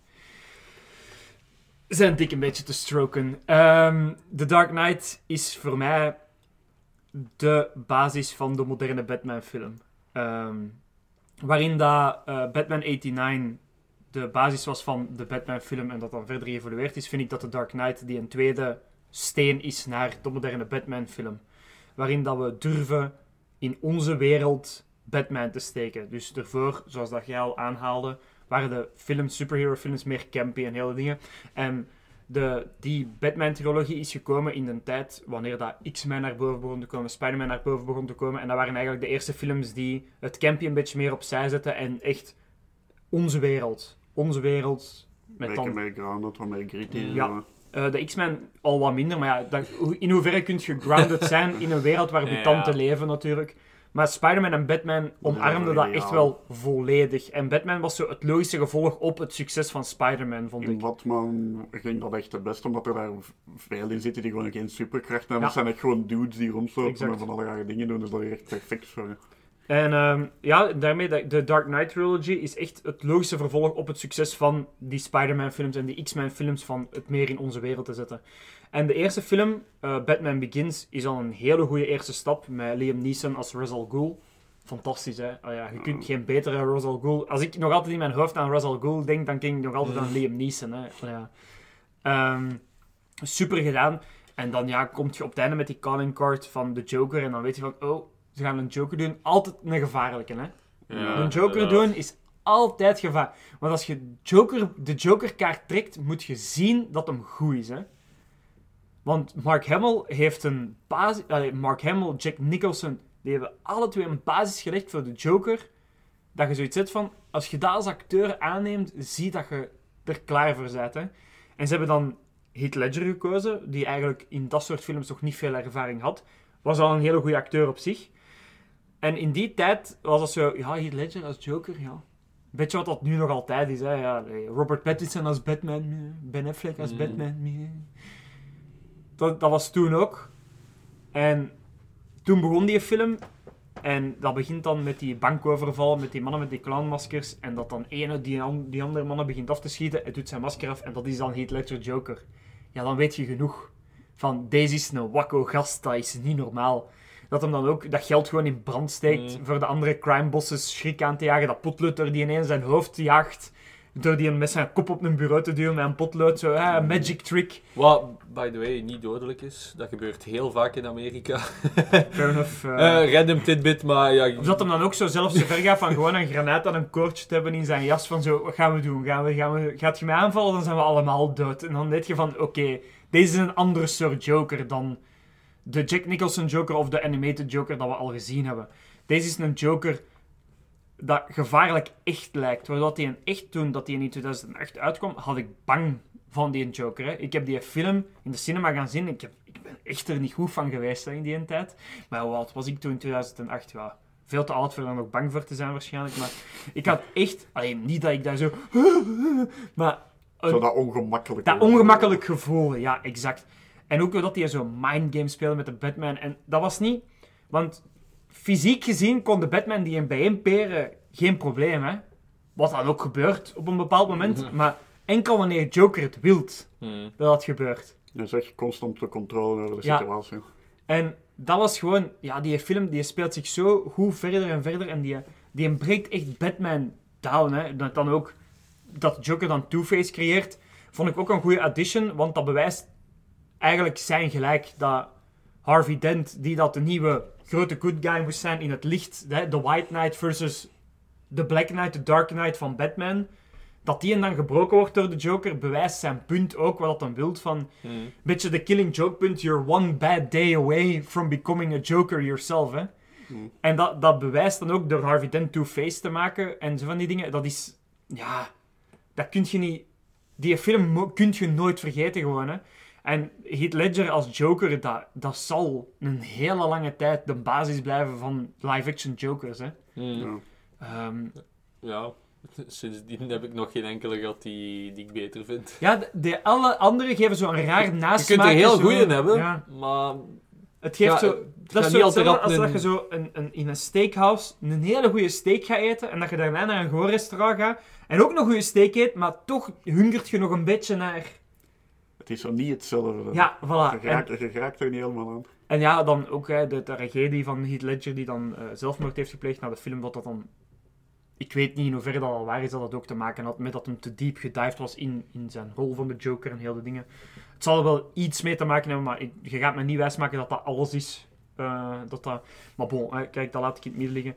Ehm dat maakte de film eigenlijk nog wel eerier, omdat er ook in real life Hmm. tragedie rond zat. Want bij The Dark Knight Rises was er dan ook geen shooting bij een van de premières. hmm. Dus die, die trilogie is ook wel hand in hand met echte tragedie, wat dat die eigenlijk die trilogie nog meer kracht gaf eigenlijk uiteindelijk. Hmm. Ehm, maar ik denk, ja, The Dark Knight, die kunt je, dat, dat is een film dat mocht je niet vergeten. Dat is net zoals bij, bij de Spider-Man ding is dat je Spider-Man 2 nooit mocht vergeten. Dat is, dat is de basis, hè. Dat is de basis van welke... Elke Batman-film dat erna is gekomen, heeft wel iets afgekeken van die Dark Knight. Zelfs de Batman dat we speed gaan bespreken, heeft afgekeken van The Dark Knight, hè. Ehm, dus daarmee dat ik eh, toch voor die klassieke Dark Knight ben gegaan, omdat dat ook voor mij eigenlijk de eerste grote introductie was in Batman. Daarvoor, ik was altijd meer een Marvel-fan. Maar toen had ik zoiets van, god, hoe is het? Allee, leuk. Ehm, natuurlijk, dat was bij Batman Begins, maar ik, ik neem die als één trilogie, eh, die dingen. Ehm, dus vandaar The Dark Knight. Eh, ja, that's it voor mij. Yes, de Batman. We hebben onze huisgenoot, de nummer 4 erbij gehaald, die hier ook in huis woont, de Chris. Yes, yes. Eh, ja, ik ben blij dat ik hier ben, eh, de eerste keer. Fantastisch. Hij heeft nul ervaring met podcasts, dus eh, cut him some slack. Ja, ja, ja. Chris, voordat we beginnen, misschien... jij bent ook bezig met muziek en zo. Misschien een klein eh, reclametje dat je wilt doen of zo. Goh, we... ik ben nog voorlopig nog aan het oefenen. Ehm, ja, maar ik speel een beetje techno, een beetje tech house en een beetje drum en bass. Die drie. En waar maar- kunnen de mensen nu vinden? Ehm, ik post nu vooral op uh, Ravelet op YouTube. We zullen de link van eh, de channel ook in de descriptie zetten dan uiteindelijk. Hè. Ja, en bij ons thuis kun je hem ook vinden, maar eh dat adres gaan we niet geven. Nee, dus eh, helaas, helaas, helaas. Ehm, de Batman, we zijn hem alle vier gaan zien. Yes. Veel te laat, twee keer, voor naar mijn goesting. maar ik heb het overleefd, ongeveer. Maar ja, Mannen, we gaan eerst non-spoilers doen, maar mannen, laat, laat ons een kat en kat noemen. Dat is een goede film, hè. Dat is, eh, Zeker. Excellente film. goede film, hè. Goeie film. Eh, we zullen één per één misschien eh, een beetje zeggen wat we ervan vonden in de non-spoiler dingen. En dan in de spoiler dingen zijn een beetje de highlights van onze dingen. Ehm zal ik anders beginnen? Hè? Ik ben nu toch al aan het lullen. het was, ehm, ja, feel free om aan te vullen natuurlijk, zoals altijd. Hè. Het was ehm, een heel eerie filmpje, maar op een goede manier. Ehm, waarin dat de Joker soms een beetje te eerie was, vond ik. Voor het aangenaam te houden, vond ik dat deze een juiste balans had tussen die actie en die eeriness. Om eigenlijk alles een beetje draaiende te houden. Ehm, het was ook heel duidelijk niet geketerd als een standaard superhero film, maar eerder als een detective noir film. Hmm.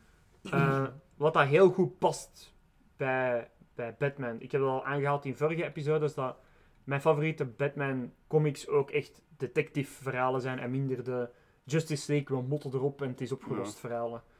Ehm, en bij deze kwam dat echt heel goed naar boven. Wat ik ook heel leuk vond, was dat hem eigenlijk nog niet de perfecte detective was. Hij maakt verschillende fouten in de film, waardoor dat eigenlijk de villain zijn plan verder en verder kan zetten. Terwijl als hij al de world's best detective was, was het eigenlijk op het midden van de film was alles opgelost geweest. Maar het is Batman Year 2, dus hij kan nog niet perfect zijn. En dat vind ik goed, Mhm. dat ze dat echt omarmd hebben. En ik vind het ook goed dat hij niet enkel lap geeft, maar ook lap krijgt. En veel Inderdaad. lap dat hem krijgt. Ja, en dat, Veel op. ja inderdaad. Maar dat, is, dat moet. Ja, inderdaad. Want- Want... Wel eens. Ja, want bij sommige dingen, of zo, wat dat nu een veel een trope is bij die superhero films, is zo, als de superhero een lap geeft, dan is zo, wow, een helft is, is naar de kleuten. Maar als de superhero een lap krijgt, dan is het zo, niks. Maar bij hem voelt je ook echt dat hem, als hem incasseert, dat, dat hem er soms even niet goed van is. Hè, er is een bepaald moment op het einde dat hem er echt helemaal dingen van is. Allee, ja. Nou, wat is dat? Shotgun blast through the chest. Ja, maar bij, bij andere dingen zou dat gewoon zijn van, ja, pff, boeien, we gaan gewoon verder. Allee, snap je? Maar hier, het, het klopt allemaal. Ehm, dus ik Ja. vond het... Dat is eigenlijk hetzelfde dat je zou hebben met een echte kogelvrij Ja. vest. Daar gaat dat tegenhouden, maar je bent nog altijd buiten wind en Ja. je ligt Ah, even... Die eh, hit is ook nog altijd er uiteindelijk, inderdaad. Dus ze hebben het heel realistisch aangepakt en ik vond dat wel een keer eens leuk. Ehm, ze zijn nog verder gegaan dan eigenlijk de Dark Knight Trilogy om het realistisch te maken, vind Mhm. ik, in deze. Eh, en dat vond ik wel super leuk. Hebben jullie nog dingen toe te voegen? Go, ga maar. Ga, Wel ja, zeg. dat van mij was eigenlijk vooral...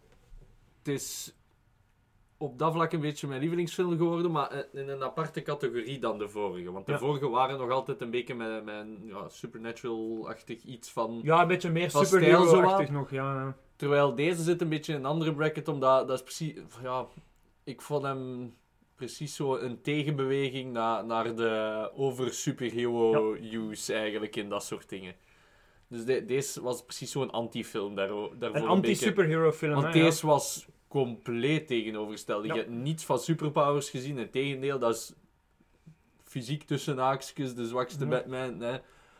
Maar dat is wat dat we nodig hebben, vind ik. Want eh, het is allemaal heel tof, hè. al die superheldenfilms en dit en dat. Maar het is af en toe een keer tof om een keer iets te kunnen zien dat zo... eh, Wat meer, grounded is. En. Ja. En ja, het- is gewoon veel beter uitgewerkt. En ze hebben wat meer met hun smarts gewerkt dan met hun... eh, Het is echt, hij moet het echt hebben van zijn brein in plaats van van zijn... Want wat ik altijd een beetje wonky vond met Batman was... Oké, je kunt supergoed getraind zijn en fysiek top zijn en gevechtsport en heel de dingen.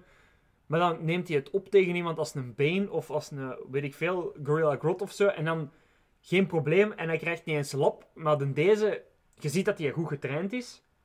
Maar hij krijgt toch nog altijd incasseren. Wat dat in het echt ook zou gebeuren. Je mag trainen zoveel als dat je Mm. wilt. Incasseren gaat het doen. Hè? Ja, zelfs al zijt jij een professioneel bokser, als je tegen vijf man gaat boksen, je gaat nog altijd iets Je krijgen. gaat nog altijd moeten incasseren, sowieso, inderdaad, exact. Ehm, hebben jullie nog iets toe te voegen voordat we naar de sp- spoilers gaan? Eh, ik heb wel een van de redenen dat ik in mijn favoriete Batman-films eh, voor een animatiefilm ben gegaan, is omdat ik in live-action Batman heb ik altijd de moeite om dat echt te plaatsen, omdat ik Batman zelf zie als heel zo vlot, vlug en snel. En in live-action films is Batman precies eerder meer een tank die door muren heen kan lopen of zo. Zeker met Ben Affleck, die liep volgens mij gewoon door muren op Maar bepaalde zo momenten. altijd in van die dikke Kevlar pakken. Ja. En in animatie en comics is dat zo meer zo en zo, gestroomlijnder, zo. Ja. En dat had ik in deze film, begon dat meer in die richting al. Dat het Ja. toch wat, want dat zag er wat gestroomlijnder, wat vlotter. Mhm.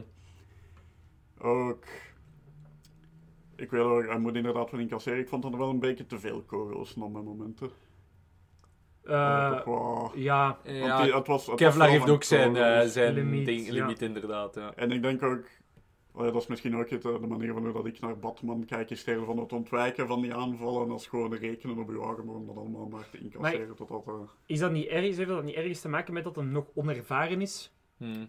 Ja, maar Want het, het, het schiet ook in zijn eigen voet, hè? Dat hem gewoon Ah, ja. incasseert en niet ontwijkt. En ik denk dat dat... Ja, maar bij veel van dingen zag je ook dat niet zijn bedoeling per se was om te incasseren. Ja, dus voilà. het waren Dus ik effectief denk dat gewoon in de moment dat, dat iets misloopt. Exact. Ik, dacht dat, ik denk dat het eerder is om te laten zien van... Deze is echt een onervaren Batman, want hij incasseert inderdaad vaak.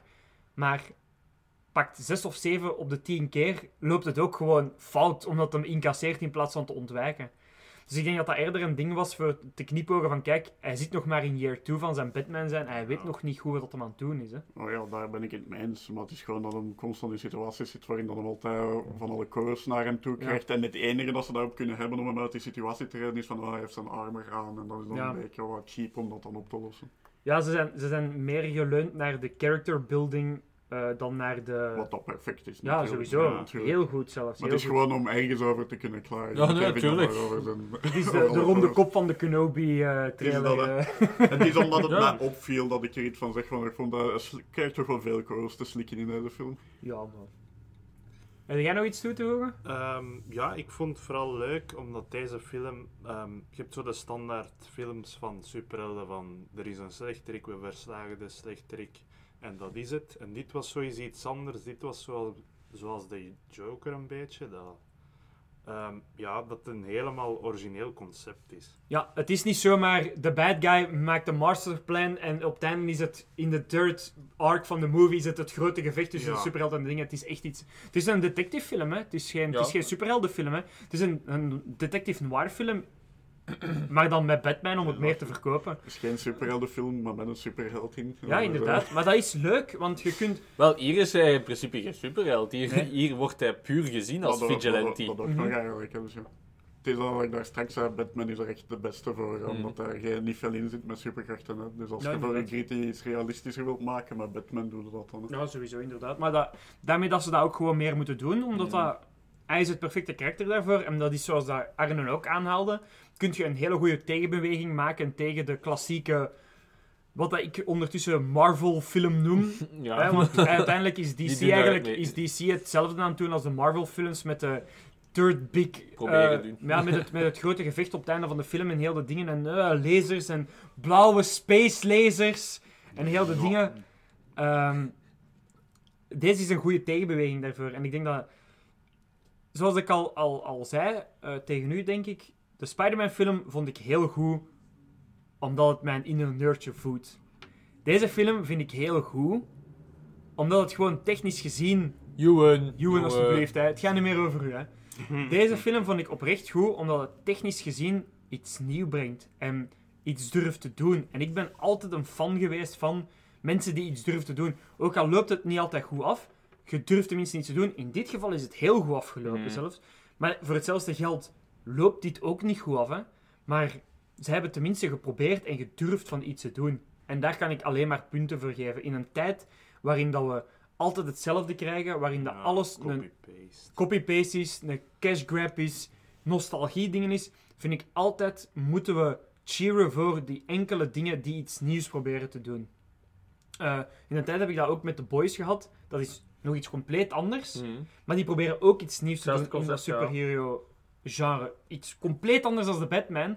Maar dat is ook eigenlijk een fuck you naar de klassieke superhero films. En deze is juist hetzelfde. Mhm. En daarmee vind ik dat deze film echt fantastisch is. Ik ben, ik ben er echt super blij mee. En ik ben blij, oprecht, dat ik eindelijk eens een DC-film zo kan praisen. Ja. Want dat is sinds de Dark Knight Trilogy, Man of Steel ook nog wel. Die vond ik oprecht ook goed, Man of Steel. Ehm, maar sinds dan heb ik dat eigenlijk niet meer gehad. En dat vond ik altijd spijtig. En deze is nu echt zo'n keer eens nog een film dat je kunt zeggen, ah wel ja, DC, je hebt gewonnen deze keer. Ja. Ehm, dan denk je dat we genoeg genonspoilerd hebben en dat we nu het spoiler-alarm beter laten afgaan. Spoilers! Spoilers! Spoilers! Als u dit alarm hoort, komen er spoilers. Ja. De opening van de film alleen al, hè. Hmm. Hè, ik had al, hè, Chris, Ja, ik heb eh, ik, was al, ik was al een hele week tegen u aan, het- aan, aan het lullen erover dat dat echt een fantastische opening is. Hè. Je ziet, je ziet, allee, je weet het eigenlijk eerst niet dat dat de Riddler is, die zo eh, iemand in dood aan het is. Ja. En dan de, de referenties naar de moord van de ouders van Batman erin, met die jongen dat dan in een ninja pak is. Je denkt eerst, oh, dat is Bruce Wayne, speelt als Ja, in dat het verleden dat of ik zo. Eh, maar dat is dan niet zo. En dat is dan de burgemeester van Gotham die corrupt is. En die wordt dan vermoord door de Riddler op een gruwelijk, allee, gruwelijke manier. Op een Ja. angstaanjagende manier, omdat het niet standaard is. Het mist de cues dat je normaal in films hebt. En dan maakt het juist beter, omdat ze expres wachten tot als die cues voorbij zijn. Dus hij wordt in dood gehouden. In één keer staat hem zo achter die burgemeester, terwijl hij zo aan het bellen is en naar tv aan het kijken is. Het zoomt in op die burgemeester en je denkt van, nu, nu is de cue voor wappa. En hij is dood. Maar die cue passeert, hij legt die telefoon af, hij zet een tv af. En dan is een tweede cue, maar die passeert ook. En pas drie of vier seconden daarna, dan pas valt de Riddler aan. En dan had ik zoiets van, ja, oké, bon. We deze wordt een heavy one. Deze gaat een film worden dat de tropes neemt dat bestaan en ze wegsmijt en ze expres tegengaat om iets fris en iets nieuws te brengen. Want waarom kunnen we dat niet doen? De tropes die bestaan, die zijn ook ooit uitgevonden, dus waarom kunnen we geen nieuwe tropes uitvinden? En deze film heeft dat wel getracht te doen. Er zijn een paar dingen bij dat natuurlijk standaard zijn, maar ja, je moet ook nog altijd een film maken en niet gewoon Ja. een Last Jedi maken. Inderdaad. Ehm, maar de- deze had een mooie balans tussen wat een film nodig heeft en frisse nieuwe dingen erin. En die openingsscène was zoiets fris en nieuw. En daarmee denk ik dat dat wel nog misschien een van mijn favoriete scènes was in die film in het algemeen eigenlijk. Opvolgende door eigenlijk ook een van mijn favoriete scènes, waarin, dat hem dan, waarin dat ze dan de, de bat signal gebruiken echt als een teken van fear Hmm. en niet gewoon, de bat signal is er, Batman komt. Zoals dat in andere films gebeurt. Nee, hier is het echt... Want er gebeuren eigenlijk, wat was het, drie crimes tegelijk? Ja, ja, drie of vier. Hè, die graffiti-dingen, die uh, doet dat Metro. overvallen wordt en die eh, ene in de metro dat dan in elkaar geslagen wordt door die gang. En je weet niet bij welke dat Batman gaat verschijnen, want hij zegt, ja, ik kan niet bij ze allemaal zijn, ehm, dus ik moet mijn, mijn targets kiezen. En die een petsignaal komt in de lucht en er komt zo'n politiehelikopter die zo een dingen en die mannen kijken naar omhoog en zien dat bedsignaal en je ziet zo echt zo... Die Ah, doet fuck. dat die een winkel overvalt, wordt bijna omvergereden omdat hij zo in angst naar de lucht aan het kijken is. Die doet in die graffiti die zit zo naar het donker te staren van hij zit daar, hè. Hij zit daar, hè. Hij zit daar, hè. Voordat hem gaat lopen. En dan, ja, die gang die heeft het zitten, hè. In één keer komt hem daar uit de schaduw gestapt. En ja, is het... eh, Ja, en met- dat duurde lang, wat dat goed Ja. was. Inderdaad. Dat vond ik. Je hoorde eerst zo heel zacht Ja, voetstappen. inderdaad. En dat wordt zo verschillende keren teruggebracht door de film. En dat geeft zo'n beetje zo de Terminator onstopbaar gevoel. Hij Ja. komt, hij komt. De Hij gaat er zijn, je gaat hem niet kunnen tegenhouden. Hij komt. Ja, zo echt zo van, ja, als hem er is, dan is het gebakken, hè, mannen. Dat is echt zo de, de- het gevoel dat die film direct Oh boy, we're fucked. Ja, ik, heb, nog- inderdaad. ik heb in de film nog nooit zo'n focus op laarzen gezien die zo groot is Maar gekomen. en dat, dat klopt ook, hè. Dat is goed, hè. Allee, ja, dat is, dat is gek, hè, wat dat ze daarmee doen. En ja, dan gaat het verder in dat hem dan toch hè, reageert op die bedsignaal. Dat hem dan in die scène komt, allee, in die, in die crime scene, om die scène komt, in die crime scene komt. Met, eh, waar, waar dat de Riddler dan, die een burgemeester heeft vermoord en hele dingen. En ik vind het ook leuk dat ze eigenlijk de eerste moord van de Riddler een beetje gebruiken om de backstory van Bruce Wayne zijn ouders zijn op dezelfde manier Mm. vermoord. Dus hij connecteert heel hard met die zoon van die burgemeester. En daardoor vertelt hij eigenlijk zijn origin zonder zijn origin opnieuw te vertellen, want we kennen allemaal. Als ik nog één keer Martha haar kraal op de grond zou zien Hmm. vallen hebben in een film, dan had ik recht gestaan en weggegaan. Hè. Echt waar, hè. Echt, dat, dat is echt, het is genoeg geweest. Maar ze hebben dat nu op een leuke, nieuwe manier gedaan. Ik denk dat we het daar wel mee eens kunnen, eh, Ja. kunnen Wel, zijn. het was nieuw en leuk. Dat valt nog Ja, oké. eh, leuk het in, was de, in het dingen van, van interessant, voilà, dat bedoel ik. Ja. Die van joepie joepie leuk, nee, van niet. Yes, moord! Joepie joepie moord. We zullen maar niet jinx doen, want we kunnen nu niet stil zijn. Ja, nee, inderdaad, liever niet. ah, fuck, hij is echt stil. Arne, was dat niet dat je de naam moest zeggen? Huh? Oké, hij is terug. Ehm, en dan ja, dan gaan we eigenlijk verder en we gaan dieper en dieper in de dingen. Wilt iemand het overnemen nu? Of, eh, Wow, je zet dat zo goed. Ja, oké, maar ja, oké, dan, maar dan ga ik verder, maar spring er Dan kunnen wij tussen. gewoon tussenspringen Ja, en spring dan, dan wordt het op de tussen best dat- mogelijke manier verteld. Alright, alright, Ja, je hebt ook het beste geheugen. man. Je moet je sterktes eh weten Verteller, en verteller je... Jelle komt naar boven. Voilà. Dus Chris, feel free om ertussen te komen als je iets toe te voegen hebt. Eh, dus Batman komt op die crime scene en ehm, ik vond het ook heel leuk hoe dat je... Want later in de film ziet hij dan ook ehm, Bruce Wayne, dezelfde personages tegenkomen, zoals die politie en zo. Hmm. En dat ze tegen Batman zo, oh, jij freak, wat doet jij hier en heel dingen. En dan later in de film ze, oh, Mr. Wayne, oh, leuk, oh, joepie, ja, komt, Mr. Wayne. Rich Boy Wayne. Ja, alle, alle deuren gaan voor Ja, inderdaad. En bij Batman is het zo. En ik vind dat dan nog... Dat vind ik hem cooler dan dat hem dan toch nog altijd die een Batman-persona gebruikt. Ook al zou het eigenlijk gemakkelijker zijn als een Bruce Wayne gewoon zou zijn om bepaalde dingen te doen. Dat vond ik een van de plezantste stukjes, was dat hij naar de club binnen wil. En als Ja. Batman zo Ja. met die twee mannen aan de deur en dan zo, wat kan jij hier doen? Ruzie maken.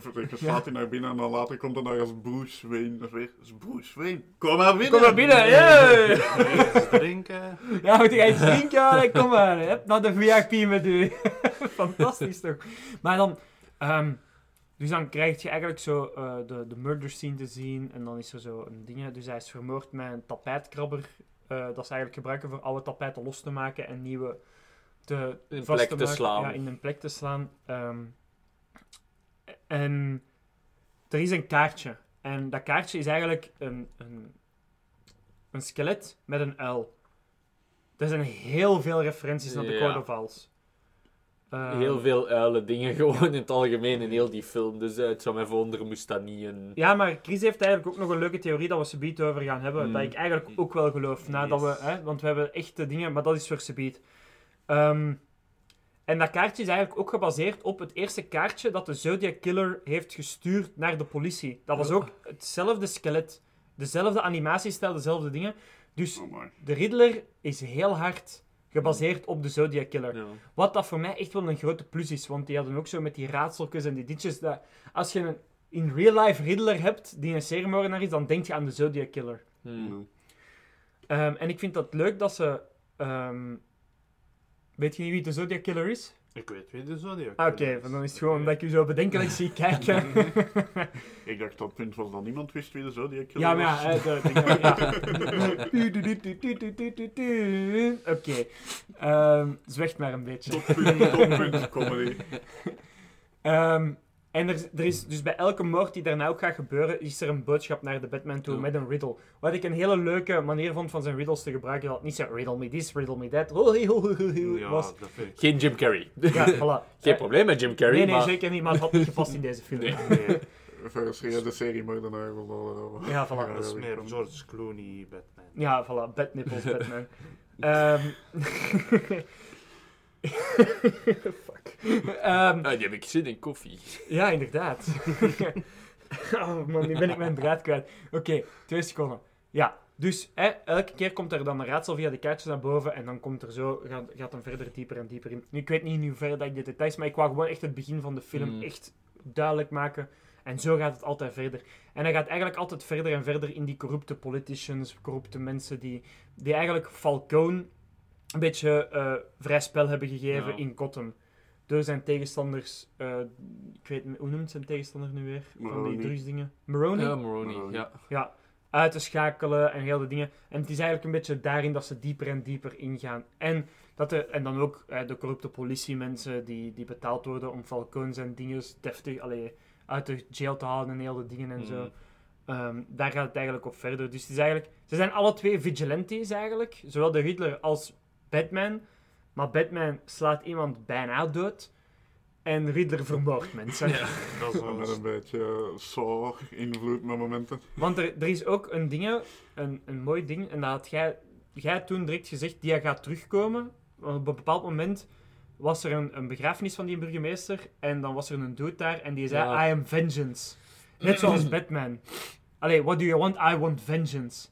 Net zoals Batman. En dat eigenlijk Batman ook een beetje een inspiratie was van Riddler en zijn volgelingen Mm. om te doen wat dat ze doen. Wordt daar eigenlijk een beetje gezegd. Mm. En ook leuke dingen, zei eh, zoals dat je zei, de Saw-dingen, dat dan de politie daar binnenkomt met die een auto dingen door die muur. Wat ik ook een hele leuke scène vond, want die een auto rijdt door die muur van die kerk, maar je ziet dat niet. Je staat in die kerk, maar je gaat nooit zien dat die een auto naartoe komt. Je hoort hem, zoals dat je eigenlijk zelf mee met Mhm. Batman in die kerk staat. Ja. En dat vond ik heel mooi gedaan, want vaak bij films zoomen ze dan even uit dat je die lotto ziet aankomen. Maar hier hebben ze dat niet gedaan. Ze hebben gezegd van, het publiek is slim genoeg om te weten wat eraan komt als je dat geluid hoort. Hmm. En je hoorde zo mensen beginnen panikeren. Zo Ja. buiten, Ja. En je weet zo, wat is er in hemelsnaam aan de Ja, hand.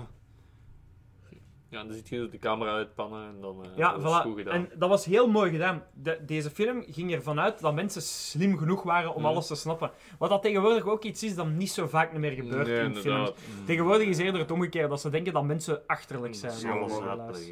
Ja, maar zo ook gewoon, gewoon, gewoon omdat ze vaak indrukwekkende splashy set pieces willen. Zo, oh, de auto rijdt door de muur, dan moeten we goed Ja, in beeld brengen, want dat is kei interessant voor mensen. Maar in deze film is dat niet noodzakelijk. Nee, want het is de, ze willen het detective noir gehalte hoog houden. Hè? Dus dat Ah, is... ja. En ja, ik ga niet alles, alles in details vertellen, want anders zijn we, kan ik gewoon drie uur vertellen, Ja, zoals een film te natuurlijk. Ehm, maar hij, hij gaat er eigenlijk dieper en dieper op in. De pinguïn komt dan ook naar boven. Ja. Hij denkt dan, dat is eigenlijk een beetje een verkeerd spoor dat hem inslaagt om Ja, achter de pinguïn, om daarop te focussen eigenlijk, waardoor de Riddler meer vrij spel krijgt. En dat wou ik gewoon nog even outpointen, omdat dat eigenlijk die dingen is, dat is zijn grootste flaw. Moest Batman de greatest detective zijn, had hem dat niet gedaan. Ja, inderdaad. En dat maakt het juist beter voor mij. Want ik hoef geen... Als Batman in year 2 is, wil ik niet dat hij perfect is. Want dat kan niet. Ja, nee. Dan is het een Man of Steel 2. Voilà.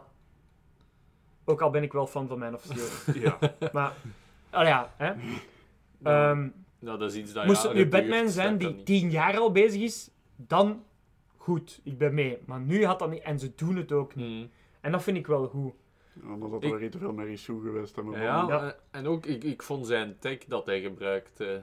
Allee, het was niet Dat veel tech om te beginnen, ja. maar het, het, het was zo wel steampunky, vind ik. Uh, hoe het- dat alles er was- zo uitzag. Het was ook dingen dat je zou kunnen verwachten dat in het echt zouden kunnen. Ja, ja, inderdaad. Want zijn suit van Kevlar gemaakt, zijn batarangs zitten eigenlijk gewoon in zijn chest. Ja, en, en hij heeft, ehm heeft zo'n lens die dingen opneemt, Opneemt, ja. waar dat ze nu ook al vrij dichtbij zitten momenteel. Voilà, dus- en dat is ook eigenlijk wel iets slim technologieën, dus, gedaan, eh, want die lens verandert ook de kleur van zijn ogen. Dat is super slim, hè? Ja, Dus dat dat is zo. opvallen. Ja. Ja, en je ziet dat moeite moeten doen om, om de juiste frequentie te vinden, zo, dat soort dingen. Ja, dat vind ik leuke Zo- dat is details. zoiets. combinatie van iets wat dat hypermodern lijkt, dat er Ja, ja, zoiets ouder steampunk, lijkt, dat hem ja. zo aan knopjes zit te draaien. Zo, om zo'n En dat dat dan zo, je zo het coole technologie-ding van zo die lens. En dan moet hem zo toch zo dat afdrukken uit een gewone printer, waarvan dat het komt, voor dat Ja. deftig te kunnen bezien. Dat vond ik wel, dat vond ik wel, dat vond ik wel leuk gedaan. Eh, maar ja, dan bij de pingwing, ja, en dan krijgen we een super, super coole Batmobile te zien. Nou, maar nog niet. Dat was, Holy de, dat shit. was de beste car chase, denk ik, dat ik Ooit, op zien ooit. Allee, ooit misschien niet, maar, maar- toch in recente Vergeet geschiedenis. de chase zelfs. Gewoon het eerste moment dat je die auto ziet opstarten. Want je Dat ziet... En die voelt ook gewoon heavy aan. Ja, maar je, je, je, allee, je, hebt voor, je moet je bedenken, je ziet voor je gewoon een zwarte gang. Je ziet niets. Ja. En ineens hoort je een motor omslaan, maar Ja. echt... En ook, de- want op een bepaald moment springt Pingwing dan ook in een auto om weg te rijden. En je hoort, zijn auto is gewoon de vroom van een gewone auto. En dan kut je naar de Batmobile en dat is dan een keer zo heel luid en zwaar gebrom zo dat daarachter zit. En dat, dat is eigenlijk... Ik voelde dat in heel mijn lichaam Ja, je voelt dat in heel de zaal echt van, oh. En dan die moment dat dan, dan zo, de, denk dat hem eh, de Batman heeft laten crashen, dat hij dan zo door dat vuur springt. Ja. Die, die reactie van Pingwing is, oh manneke, dat is, ah. Maar kom aan! ja, en ook, wat ik echt cool vond ook in dat stuk, was ook, je ziet dan de penguin omgekeerd in zijn auto vasthangen en je ziet zo enkel de voeten van, allee, de schoenen van Batman. Weer omgedraaid al- ziet weer hij al. Weer zo heel En traag ook leuk dat en bedacht. echt van, van dingen, vanuit het standpunt van, van de Pingwing is, Mhm. dat je hem ook zo omgekeerd naar hem ziet afkomen. Ja. Dat vind ik echt super leuk gedaan. Dat was heel goed gedaan, die scene. Ehm, ja, ik denk dat we dan... Ja, Catwoman erin is ook super goed, maar Ja. ja. Ja, En toch wel. De, de pinguïn zelf was ook een, een Goh, als ze die daarna ondervragen. Oh, man. Oh, geweldig. Oh, Dat- maat. Dat, dat is Colin Farrell, echt waar. Ja. Wauw. Dat is echt de pinguïn met een redelijk hoog El Capone gehalte. Mm. Ja. En ook hoe dat hij zo... Die is juist... Wat dat eigenlijk zou moeten zijn ook. Ja, inderdaad. Die is juist een car chase met de Batman half, half naar, de, naar de saas geholpen. En toch blijft hij een grote bek ophouden. Ja, dat is laat kakken en- fantastisch. Ja. Oh, zij- zijn jij achterlijk of wat? En heel die dingen. En zo, ah, kunnen jij geen Mexicaans... Allee, kunnen we geen Spaans spreken of zo? Kunnen we geen Spaans spreken of zo? Want dat was El Ratata of zoiets. La- La Rata en het was La Rata. of Ja, het was La- La, La, La. En dan bleek dat dan URL of zoiets, maar daar moesten ze dan op uitkomen. Maar ja, wel, ik, ik ken geen Spaans genoeg. Maar zo, eh, kunnen we geen Spaans of zo? La en L, is dat te moeilijk of zo? Is dat te moeilijk of zo? Dat is, Italiaans. ah manneke, fantastisch, hè? Italiaans. Dat is Spaans. Italiaans. Het was Spaans, het was Spaans. Fair enough. Ja, het was, we hebben het gisteren, e- echt, het ging over Spaans. Dus. Ja, fair enough. Ehm, ja, en echt zo blijven tanten, fantastisch. hè. En ik vind het ook leuk dat El Capone gespeeld wordt door Transformers Guy. Ja. Inderdaad. Dat is de enige andere film waar ik die van ken, Transformers Guy. Ja, dat is wel grappig om die keer in zo'n rol te In zien. een serieuze rol te zien en die is echt supergoed. Ehm nu ja, ja, eh, uiteindelijk wint Riddler eigenlijk een beetje. Ja, die zijn plan gaat door. Dat was iets Hij waar heeft- ik persoonlijk heel blij mee was. Ja, hij, heeft, Ja. hij is in zijn opzet geslaagd. Allee, allee, blij. Gewoon, want anders is dat iedere keer zo dat plan en dan Batman op het laatste moment komt dat. Ja. de- Nu kan hem niet anders doen als de boel bijeenvegen. Ah ja, want, achteraf. ik zeg, maar ja, want weer al, in deze, zijn plan lukt. Ja. Dus Gotham wordt overstroomd omdat de dijkmuren eigenlijk worden doorgebroken door bommen die door de, de Riddler zijn geplaatst. Omdat eigenlijk Batman zich te veel concentreerde op de Penguin, Ja. was hem te laat om dat tegen te houden. Ehm, Ja, het plan ook niet doorzien. Ja, voilà. Maar omdat hem zijn eigen eigenlijk focuste op de verkeerde dingen, heeft hem dit niet Ja, kunnen En tegenhouden. dat was ook wat dat Riddler wou, want hij wou dat iedereen in Gotham in dat stadium zou Ja. moeten gaan. En dan daar eh, zaten zijn volgers klaar eigenlijk. eh. Zijn volgelingen klaar voor de... Mensen af te schieten. Maar Ja. het was nog blijkbaar nog niet erg genoeg met de dijk op te blazen en alles onder water te zetten. Ja, maar echt super, hè. super gedaan. En dan zit hem ook vast en dan zo, ah, geef me antwoord. En dan dat Batman echt zo helemaal krankzinnig wordt en zo, give me answers, give me answers. Ja. Echt zo. Het deed me heel hard denken aan, ehm where is the trigger? Tell me where the trigger is. Where is it? Where is it? Van, van die, maar dan eigenlijk beter gedaan. Ja. Ehm, ja, super hè, super hè. En dan, ehm, ja, uiteindelijk gebruikt Batman dat dan eigenlijk, dat alles misloopt om eigenlijk zijn eigen character arc af te werken en van vigilante naar hero te gaan. Ja. Want dan gaat hem echt, dan maakt hem echt de klik in zijn hoofd van, ik moet meer zijn dan gewoon iemand die bad guys in elkaar Mm. slaat. Ik moet ook echt mensen echt, beschermen en mensen helpen. Want dat is misschien inderdaad wel zo'n belangrijk onderliggende punt van dat verhaal met de Riddler en al die zijn volgelingen zijn eigenlijk zo de disenfranchised, de mensen die Ja. zo tussen het systeem zijn in alle shit terecht zijn gekomen die het gewoon zo beu zijn. Mm. Ze zeggen, we maken Mhm. het gewoon allemaal kapot. En dat hem daar op het einde dan geconfronteerd wordt met die ene, die zo dan een masker, die dan, van die handlanger die dan zegt, I am vengeance. Ja. Dus hetzelfde Ja. wat de Batman zegt, die daarvan, oh my god, dat is hoe dat ik denk, en omgekeerd, en ik kan zo erg worden, en daar dan Ja. bewust van af te stappen en Mm. zeggen van, nee, ik wil zo niet zijn. Dat is, en dat is een hele mooie character arc, want eigenlijk heel de film draait daar rond. Hè, dat hem, hij is altijd maar één stap verwijderd van hetzelfde te worden als Riddler. Hmm. Altijd maar één stap. En op bepaalde momenten is hem er bijna. Hè. Een hè, zo echt begint Ja, als hij daar die adrenaline dingen krijgt en hij slaagt die daar half dood, dan was hem er eigenlijk bijna. Hè. En toch pult hem terug en wordt hem dan toch de hero op het einde. En dat vond ik echt wel goed. Want ook al is Gotham kapot, ook al is dingen, er is hoop, want Batman is nu Batman geworden. Ja, en je ziet hem eh, een meisje naar, naar de National Guard brengen in Ja. zo'n brancard voor een helikopter te doen. En je ziet dat dat meisje ook eerst naar hem kijkt voor reassurance, voordat ze mee wilt met die Ja, ja. militairen eigenlijk om haar te helpen. Ja, Dus dat is- dat, dat, is, dat is een goede manier om te laten zien van dat de mensen nu zoiets hebben van oké. We accepteren nu, ja. Ja. Exact. Hele mooie film. Catwoman was ook een hele leuke side story erin, maar als we daar nog over verder moeten... Ja, maar ook, da- daar was niet veel aan. Die, die kwam er heel weinig in. Was een beetje je, de dat is ook side niet meer- story, hè? voilà, dat was gewoon... was sporadisch, maar goed gespeeld, vond ik. Ja. Ja, heel goed. Heel Zoals, goed. zoals ze het hebben aangepakt, was perfect, Ja. vond ik. En dan, ja, op, op het einde ziet je... Ziet je hem in de bak zitten natuurlijk, hè, in Arkham Asylum. Dat vond ik wel minder. Goh, ja. Want dat vond ik een hele cheap move. Want hij zit dan in de bak, hè. Zoals dat je... Wel, zegt jij het maar anders, hè. Eh, Maar ja, nee, dus je ziet hem eh, in de bak zitten en je ziet hoe dat... De, allee, hij ziet hoe dat de mensen eigenlijk achteraf toch Batman aanvaarden en ja, zo. dat, dat vond ik nog wel goed, hè. Ja, ja, ja. Maar ik spreek Ehm, van daarna. Maar dan ziet je hem even zot worden en dan hoorde ineens neffen hem iemand van... ah, het is niet zo erg... eh, allee, uw tijd komt nog en je moet gewoon eh, zien dat, dat je... allee, dat Gotham je- loves a comeback Ja, Ja, ik vond dat zo een beetje... Ja, ik heb dat al gezien, zoiets in een film. Allee, met, ik denk dat het met Superman was, met die worm zo. Ja, da- daar in veel films komt dat zo. Mm, Ja, Echt in- daarmee. Ja, maar ik, ik zei... Op zich... Oh ja, het was misschien de minste scène uit de film misschien wel, maar wat dat mij vooral bezig hield in die scène was van...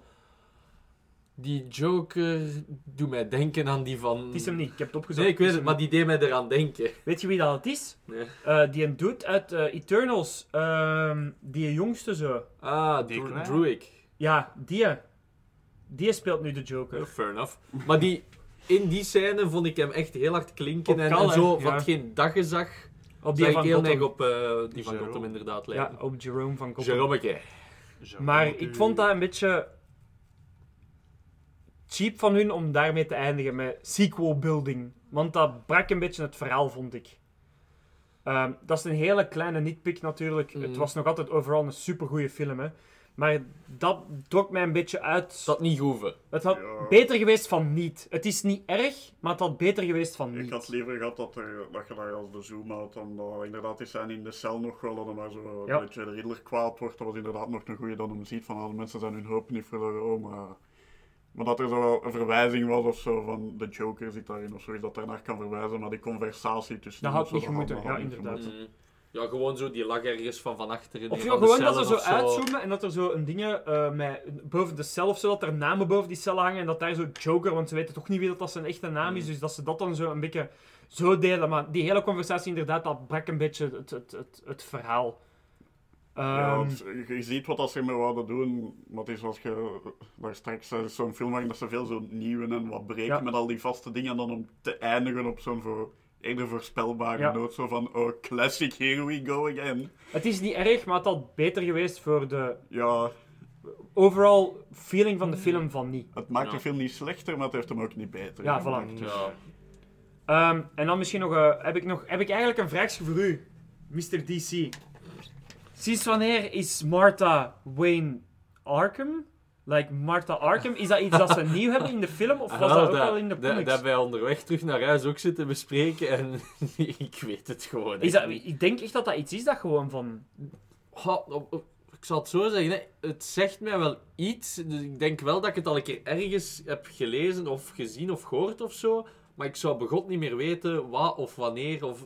maar ik Maar denk- het komt mij bekend voor dat ik het wel al een keer iets daarvan had gehoord. Maar ik zou begot niet meer weten in wat eigenlijk. Misschien dat dat al wel eens een keer gebruikt is, maar dat er iets obscuur is. Maar ik denk dat ze hier nu echt hun eigen Ja, dat kan wel. Batman-versie hebben, want hij woont nu ook in die toren in plaats van in een landgoed. Hè. Dat is nu Ja. echt de Waynes die echt in die toren wonen. Hè, Ah, ja, het enige landgoed dat je zag was, eh, was de...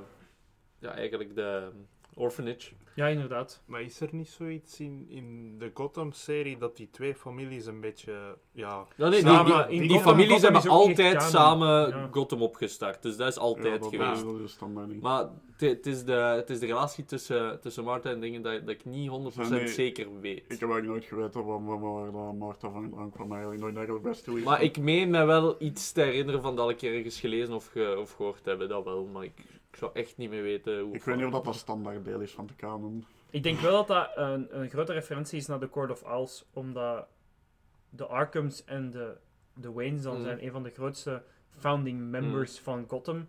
En dat daarom dat ze echt wel Bruce Wayne in die eh, Court of Owls gaan willen. Dus ik denk dat dat ook wel een knipoog iets naar Om wel focus te leggen op het belang van die familie Ja, en die oude ja, inderdaad. en, eh, En dat is tof, want dat heb je nog geen enkele andere Batman-film echt gezien, vind ik, de, de, de importance van die families eigenlijk. Want er zijn wel in heel veel comics dat ze dat wel insteken. Ja. Ja, dus. Wat mij ook nog wel geïnteresseerd heeft in die film, is dat met zijn vader nu Thomas Wayne is dat. Ja. En dan wordt dan zo, in de film dan zo'n moment van, dat, wat is dat, Falcone tegen hem zegt van, ah, mijn vader, uw vader had mij gevraagd om iemand te vermoorden, dat was zo geen heilige. En, en Alfred die dan zegt van, nee, de Falcone ligt, hij is degene die vermoord heeft en zo van die zaken.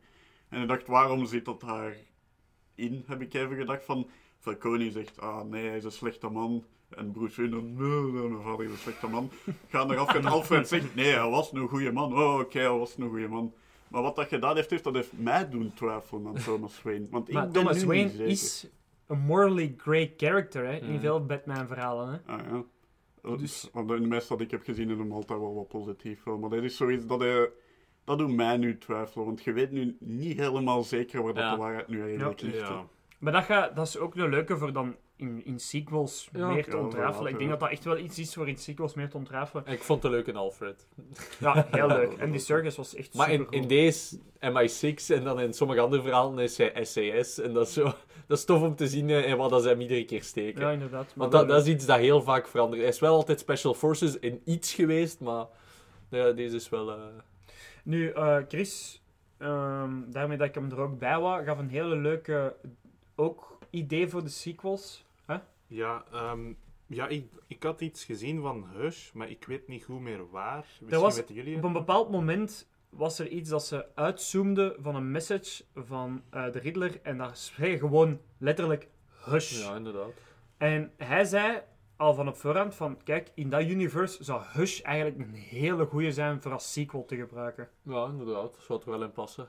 Maar het kan eigenlijk twee kanten uit, want de Riddler speelt in het Hush-verhaal ook wel een grote rol. Dat dat misschien een knipoog is naar Hush, of dat dat wel degelijk de sequel gaat zijn dat dat iets met Hush te maken heeft. Hmm. Want de, de Matt Reeves, de regisseur, heeft ook gezegd: het is niet dat de Joker in de post-credit scene is, dat hem in mijn volgende film gaat zitten, want ik werk niet graag met de Joker. Hmm. Ja, fair enough. Maar dat eigenlijk gewoon Warner Brothers wou dat hij erin zat. Hmm.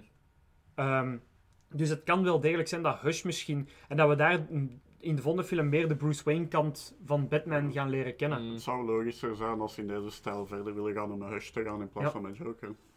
En dat, en dat het dan, dat de volgende film dan Hush is, en dan misschien, denk ik, mijn theorie, dat dan, want ze gaan sowieso een trilogie willen maken, dat dan de derde Court of Owls gaat zijn. Dat het zo eigenlijk gaat evolueren. Hmm. big Dat- deze Batman is, de volgende Bruce Wayne film, en dan in Court of Owls komt alles tezamen. Ja. Zo'n- Denk ik. Zo'n beetje, de eerste is een beetje de introductie, de Ja. tweede is de, ja, zijn persoonlijke stik. Ja, en dan meer de is het derde- persoonlijk verhaal, en dan in de derde is het alles komt tezamen. En zijn Mhm. grootste bad guys dat hem eigenlijk in deze soort wereld kan, kan meemaken eigenlijk. Hè. Kijk er dan wel naar uit. Want het is een interessante Batman-versie, denk ik wel. Ook met Bruce Wayne is ook zo helemaal anders dan dat ze meestal zo Bruce Ja. Wayne zo weer hebben. En dat is ook nog wel eens plezant. Zo, het is, het is Maar ik denk wel dat hem in de sequel meer naar de klassieke Bruce Wayne gaat gaan. Waarschijnlijk wel dat ze daar wat ontwikkelen. Ja. Maar dat er nu nog wat in de put Want in, in meer. Batman Year One was hem ook meer zoals de Bruce Wayne nu. Hè. In de, de Batman Year One comic reeks eh, was hem ook meer zoals Bruce Wayne nu. Dat hem eigenlijk niet meer Bruce Wayne was zijn, maar full Batman was zijn. En dat, en dat hebben ze nu heel mooi erin gestoken. Maar ik denk dat hem nu, omdat hem ook die hoop dingen wil, dat hem meer met foundations gaat bezig zijn en meer met goede doelen. Waardoor dat hem eigenlijk zijn persona van Bruce Wayne ook terug meer moet Nu Ja. zat hem nog in de emo-fase. Ja, voilà. En dat hem, dat hem Ja, eigenlijk meer beetje. afgeborsteld, dat hem eigenlijk meer afgeborsteld moet zijn om eigenlijk een The White Knight te zijn tegenover de Dark Knight van, van zijn Batman. Hè? Want dat is eigenlijk waarom dat Bruce Wayne zo En- overdreven rich boy is, om volledig anders te zijn dan zijn Batman persona. Hè? Ja, en ook, wat ik er nog bij wil, is een hele goede keuze van muziek. Ja. En niet alleen omdat ik fan ben van Nirvana, maar ook de, het specifieke liedje dat ze hebben gebruikt, dat, dat, dat, belichaamt heel goed de, de staat dat hij momenteel in zit. Beste eigenlijk. Batman soundtrack van welke Batman film ooit, vind ik. Beste. Ik heb ook gewoon, ik zie dat ook al gewoon heel de week zelf te luisteren op Spotify. Mhm. Echt waar. Eh, beste soundtrack dat er is. Die, die, ook die, die, die use van Ave Maria en heel de dingen dat er mee in verwerkt wordt en heel die dingen is echt... Wat ik daar vooral super. grappig in vond, was letterlijk noot 1 en ik wist al dat dat liedje was eigenlijk. Dat, dat heb ik eigenlijk, nu eigenlijk nog niet vaak gehad, maar dat was effectief zo, oh ja, dat is dat liedje. Ja. Zalig, hè? Maar echt super goede soundtrack Maar dan voor de rest, eh, ja, echt eh, een van de betere liedjes ook van, van Kurt Cobain. Dan gaan we nu verder, denk ik, naar ehm, punten. Hè? Punten. Punten. Dus Jasper, leg nog misschien nog eens uit voor Chris welke punten dat we gebruiken. Eh, we gaan hoeveel schoten en messteken dat jij nodig hebt om Rasputin dood te krijgen. En dan geven we ons echt de score daarna. Je moet ge- gewoon zorgen dat je er enthousiast genoeg over spreekt, dan zullen mensen wel Ja. begrijpen hoe goed dat je de film vindt. Hoeveel messteek of schoten ik hem zou geven? Ja, ja, ja, ja. ja. Ja, oké. Aan de hand van hoe positief dat je bent over de film. Hè. Dus hoe meer schoten en missteken dat je geeft, hoe Oei, positiever de Dan film. moet ik er veel, veel geven. Dat zegt al genoeg. Jasper, ik zou zeggen, we beginnen met u. Oh, ik weet niet of er genoeg kogels in de wereld zijn, maar ik kan u wel zeggen, Rasputin is zeker dood. Hij is dood. Hij is dood. Morsdood. Hij is, hij is verzopen, ik heb er een steen op gegooid, ik heb hem neergestoken, ik heb hem neergeschoten, ik heb hem gewurgd, alles gedaan, hij is dood. Nice. Ik vind het een fantastische film. Geweldig. Ehm, ja, ik zou een dik machinegeweer pakken en toch een achttal kogels geven. Wat voor een cheapskate zoals u wel... eh, Ja, want die zijn duur. zeg hoor. Ja, ja, dat- een klein beetje. dus eh, overal positief Ja, zeker. uit. Ha, ik, ik, ga het, ik ga het geweergedoe gewoon overslaan en ik ga direct ergens een tank gaan halen. Eh, en gewoon heel mijn eh korentoepel...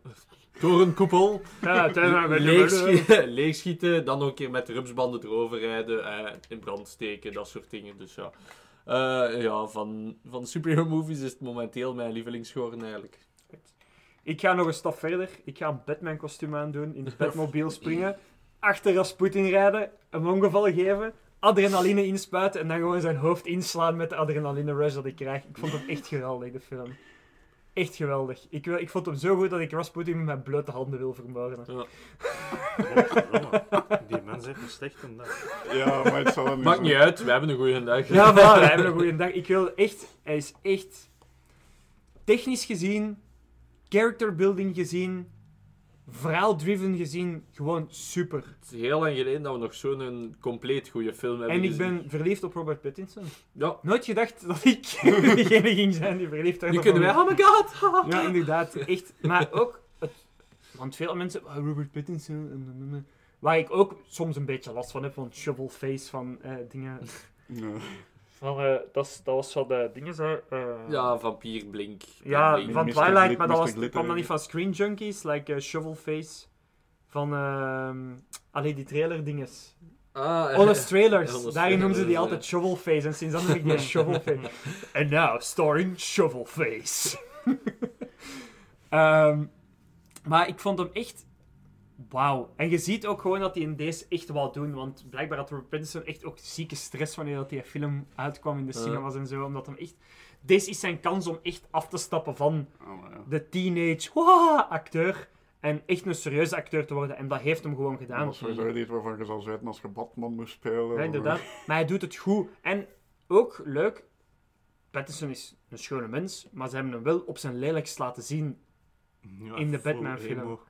En dan zag er nog altijd beter Oh, uit als Ja, ja, sowieso. Pas op, hè, als je hot topic mensen tegen gaat komen die gaan... Oh, Ja, sowieso. Maar, snap je, ze hebben niet expres hem de mooie boy nee, gemaakt. nee, nee. Ja, De- ja, nee. Het is niet de, de, de, de mooie rich boy. Ja, voilà. En eh, dat vond ik echt wel een hele positieve. En dus overal echt wel super goede film. Echt een dikke aanrader. En gaat hem in de cinema zien. Ja, Zolang je dat hem in de cinema... Gaat hem in de- Want je, je zit er zo in als je hem in de cinema ziet. Je, je wordt erin gezogen. Ook die, die geluidseffecten, die muziek komt zo goed. En, of als je hem thuis ziet, zie je dat je een goed home cinema systeem hebt. Of een goede soundbar. Je hebt het nodig allemaal. Kijk die ook niet half met je gsm, want je gaat niet kunnen volgen. Je gaat niet kunnen volgen. Je kijkt twee seconden weg en je zet de helft kwijt, hè. Dat is, hè.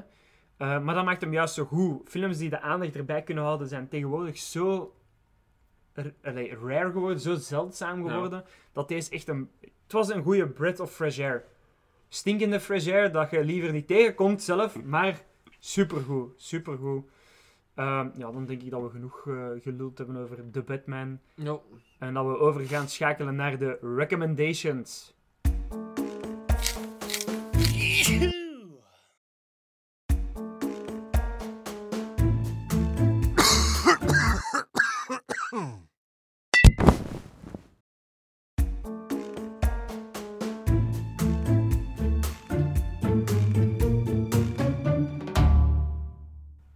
Oké boys, het teuntje van de recommendations heeft zich afgespeeld. Inderdaad. Wat willen jullie aan de luisteraars thuis deze week, allee, deze episode recommenden? Ik heb helemaal aan het begin van de episode zitten fulmineren over Elden Ring. Dus wat ik nu ga aanraden is Dark Souls 1. Yes. Want zelfs zoveel jaren later, nog altijd goed. Eh, toen dat Elden Ring ging uitkomen, ik heb ze allemaal, alle drie nog eens gespeeld. Dark Souls 1, 2 en 3. En het ziet er nog altijd fantastisch uit. Je begint natuurlijk wel te zien dat het wat gedateerd begint te worden, maar het is nog altijd plezant, het is nog altijd goed. De bossen zijn nog altijd verschrikkelijk. En vooral omdat het spel al een eind oud is, zijn er niet altijd mensen om mee te spelen. Ja. Dus dan moet je het alleen doen. En dat maakt het nog erger. Tegen Ornstein en Smo. het was gezellig. Maar ik ben er doorgeraakt. Ik denk dat ik zeven mental breakdowns zou krijgen voor oh manneke. En ik hou van die spellen, hè, maar die maken mij mentaal kapot, hè. Daar, daar moeten echt bewust pauzes in lassen. Ja, momenten, echt wel, Anders echt wel. breekt je. Echt wel, echt. Maar dat maakt het zo goed. Het is daar het goed maakt, want als je dan wint... De Die- euforie Die is eerste, die eerste keer dat ik Ornstein en Smo op mijn alleen kon verslaan, Dat was een verwezenlijking in mijn leven. Ik ga dat op mijn cv zetten. Ik heb dat nog nooit kunnen doen. ik weet niet hoe het voelt, maar echt wauw. Ja, echt wauw. allee, Dark Souls, Bloodborne, allemaal echt zieke fan van, van heel die serie. Arne, wat heb jij nog... eh, Oh, ik ga weer eh, de hele obscure shit ingaan natuurlijk. Eh mijn stiek een beetje behouden. Eh, ik ga weer voor iets Brits. en dat, dat was eigenlijk Headbangers Ball. Dat was vroeger een deel van MTV. Ik hoop dat je het ergens nog online gaat kunnen terugvinden. Maar dat was eigenlijk eh, ja, allemaal loesje shit dat mensen uit de metalwereld eh uithaalden. En eigenlijk gewoon een van hun meest silly kant lieten zien. Eh, en gaat daaronder onder andere een, een heel segment met Lemmy van Motorhead, die vragen van mensen die dat instuurden beantwoorden. Dan dingen gelijk van, eh, ik ben, ik ben een, eh, een gekleurd persoon en ik word niet aanvaard. En dan Lemmy dan zegt van, ja, fuck off, doe gewoon je eigen ding. Zo dat soort dingen. Dus dat, ah, dat, was, eh, ja, dat was een super tof programma. En dat zijn van die gems dat je alleen maar vindt in de Britse televisie, Ja, vind dat ik. is wel, dat is wel, die mannen durven wel wat meer. Ik ga een YouTube-channel aanraden deze week, Variant Comics, omdat ik eigenlijk door mijn onderzoek van mijn villains, dingen van Batman, daar terug een beetje opgekomen ben. Ik was daar vroeger ook al zo tof van, maar die was zo'n beetje van mijn radar verdwenen. En het is echt een superleuke channel. Als je snel wat informatie wilt, als je zo... Ik zeg nu maar, er komt een nieuwe comicboekfilm uit en je wilt een beetje meer informatie over bepaalde comic characters, is dat echt een superleuke channel om, om, te, om te bekijken. Ehm, die mensen bespreken characters, bespreken eh, grote comics waarin dat ze inkomen en zo. En geven nu echt wel de goede basis mee van wat dat je nodig hebt om, ehm, om up-to-date te zijn, met, om een film deftig te kunnen Ja, begrijpen. en we zijn hier bij meerdere die daar naar kijken. Dus. Ja, voilà. Dus dat is wel... eh, Variant Comics, echt wel een dikke aanrader. Dan gaan we nu de episode gaan eindigen. Ik wil nog één keer graag Chris, onze vierde huisgenoot, bedanken om mee te doen. Eh, zeg nog een keer, eens een keer de naam van uw channel Ehm, dat is dus Ravelets Records op YouTube. op YouTube. Link zal in de descriptie staan. Ehm, dank u voor ons eh, mee te helpen in deze episode deze week.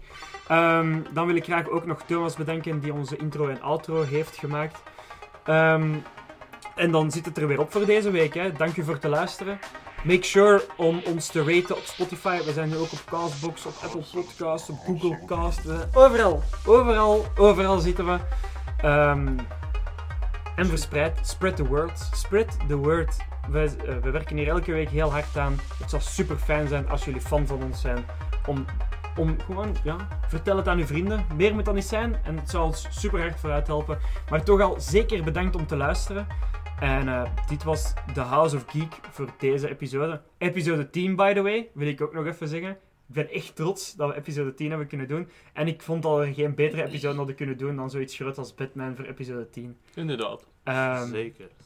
dus, Jasper, I would say take it away. En denk eraan, beste luisteraars, als je ook denkt dat Batman een epische villain is... Een villain, fuck it, ik heb dat opgefuckt, hè. en denk eraan, beste luisteraars, als je denkt dat Batman ook een epische held is, onthoud dan dat zijn naam Vleermuisman is en hij vecht tegen de joker en de raadselaar met zijn trouwe sidekick, Roodborstje.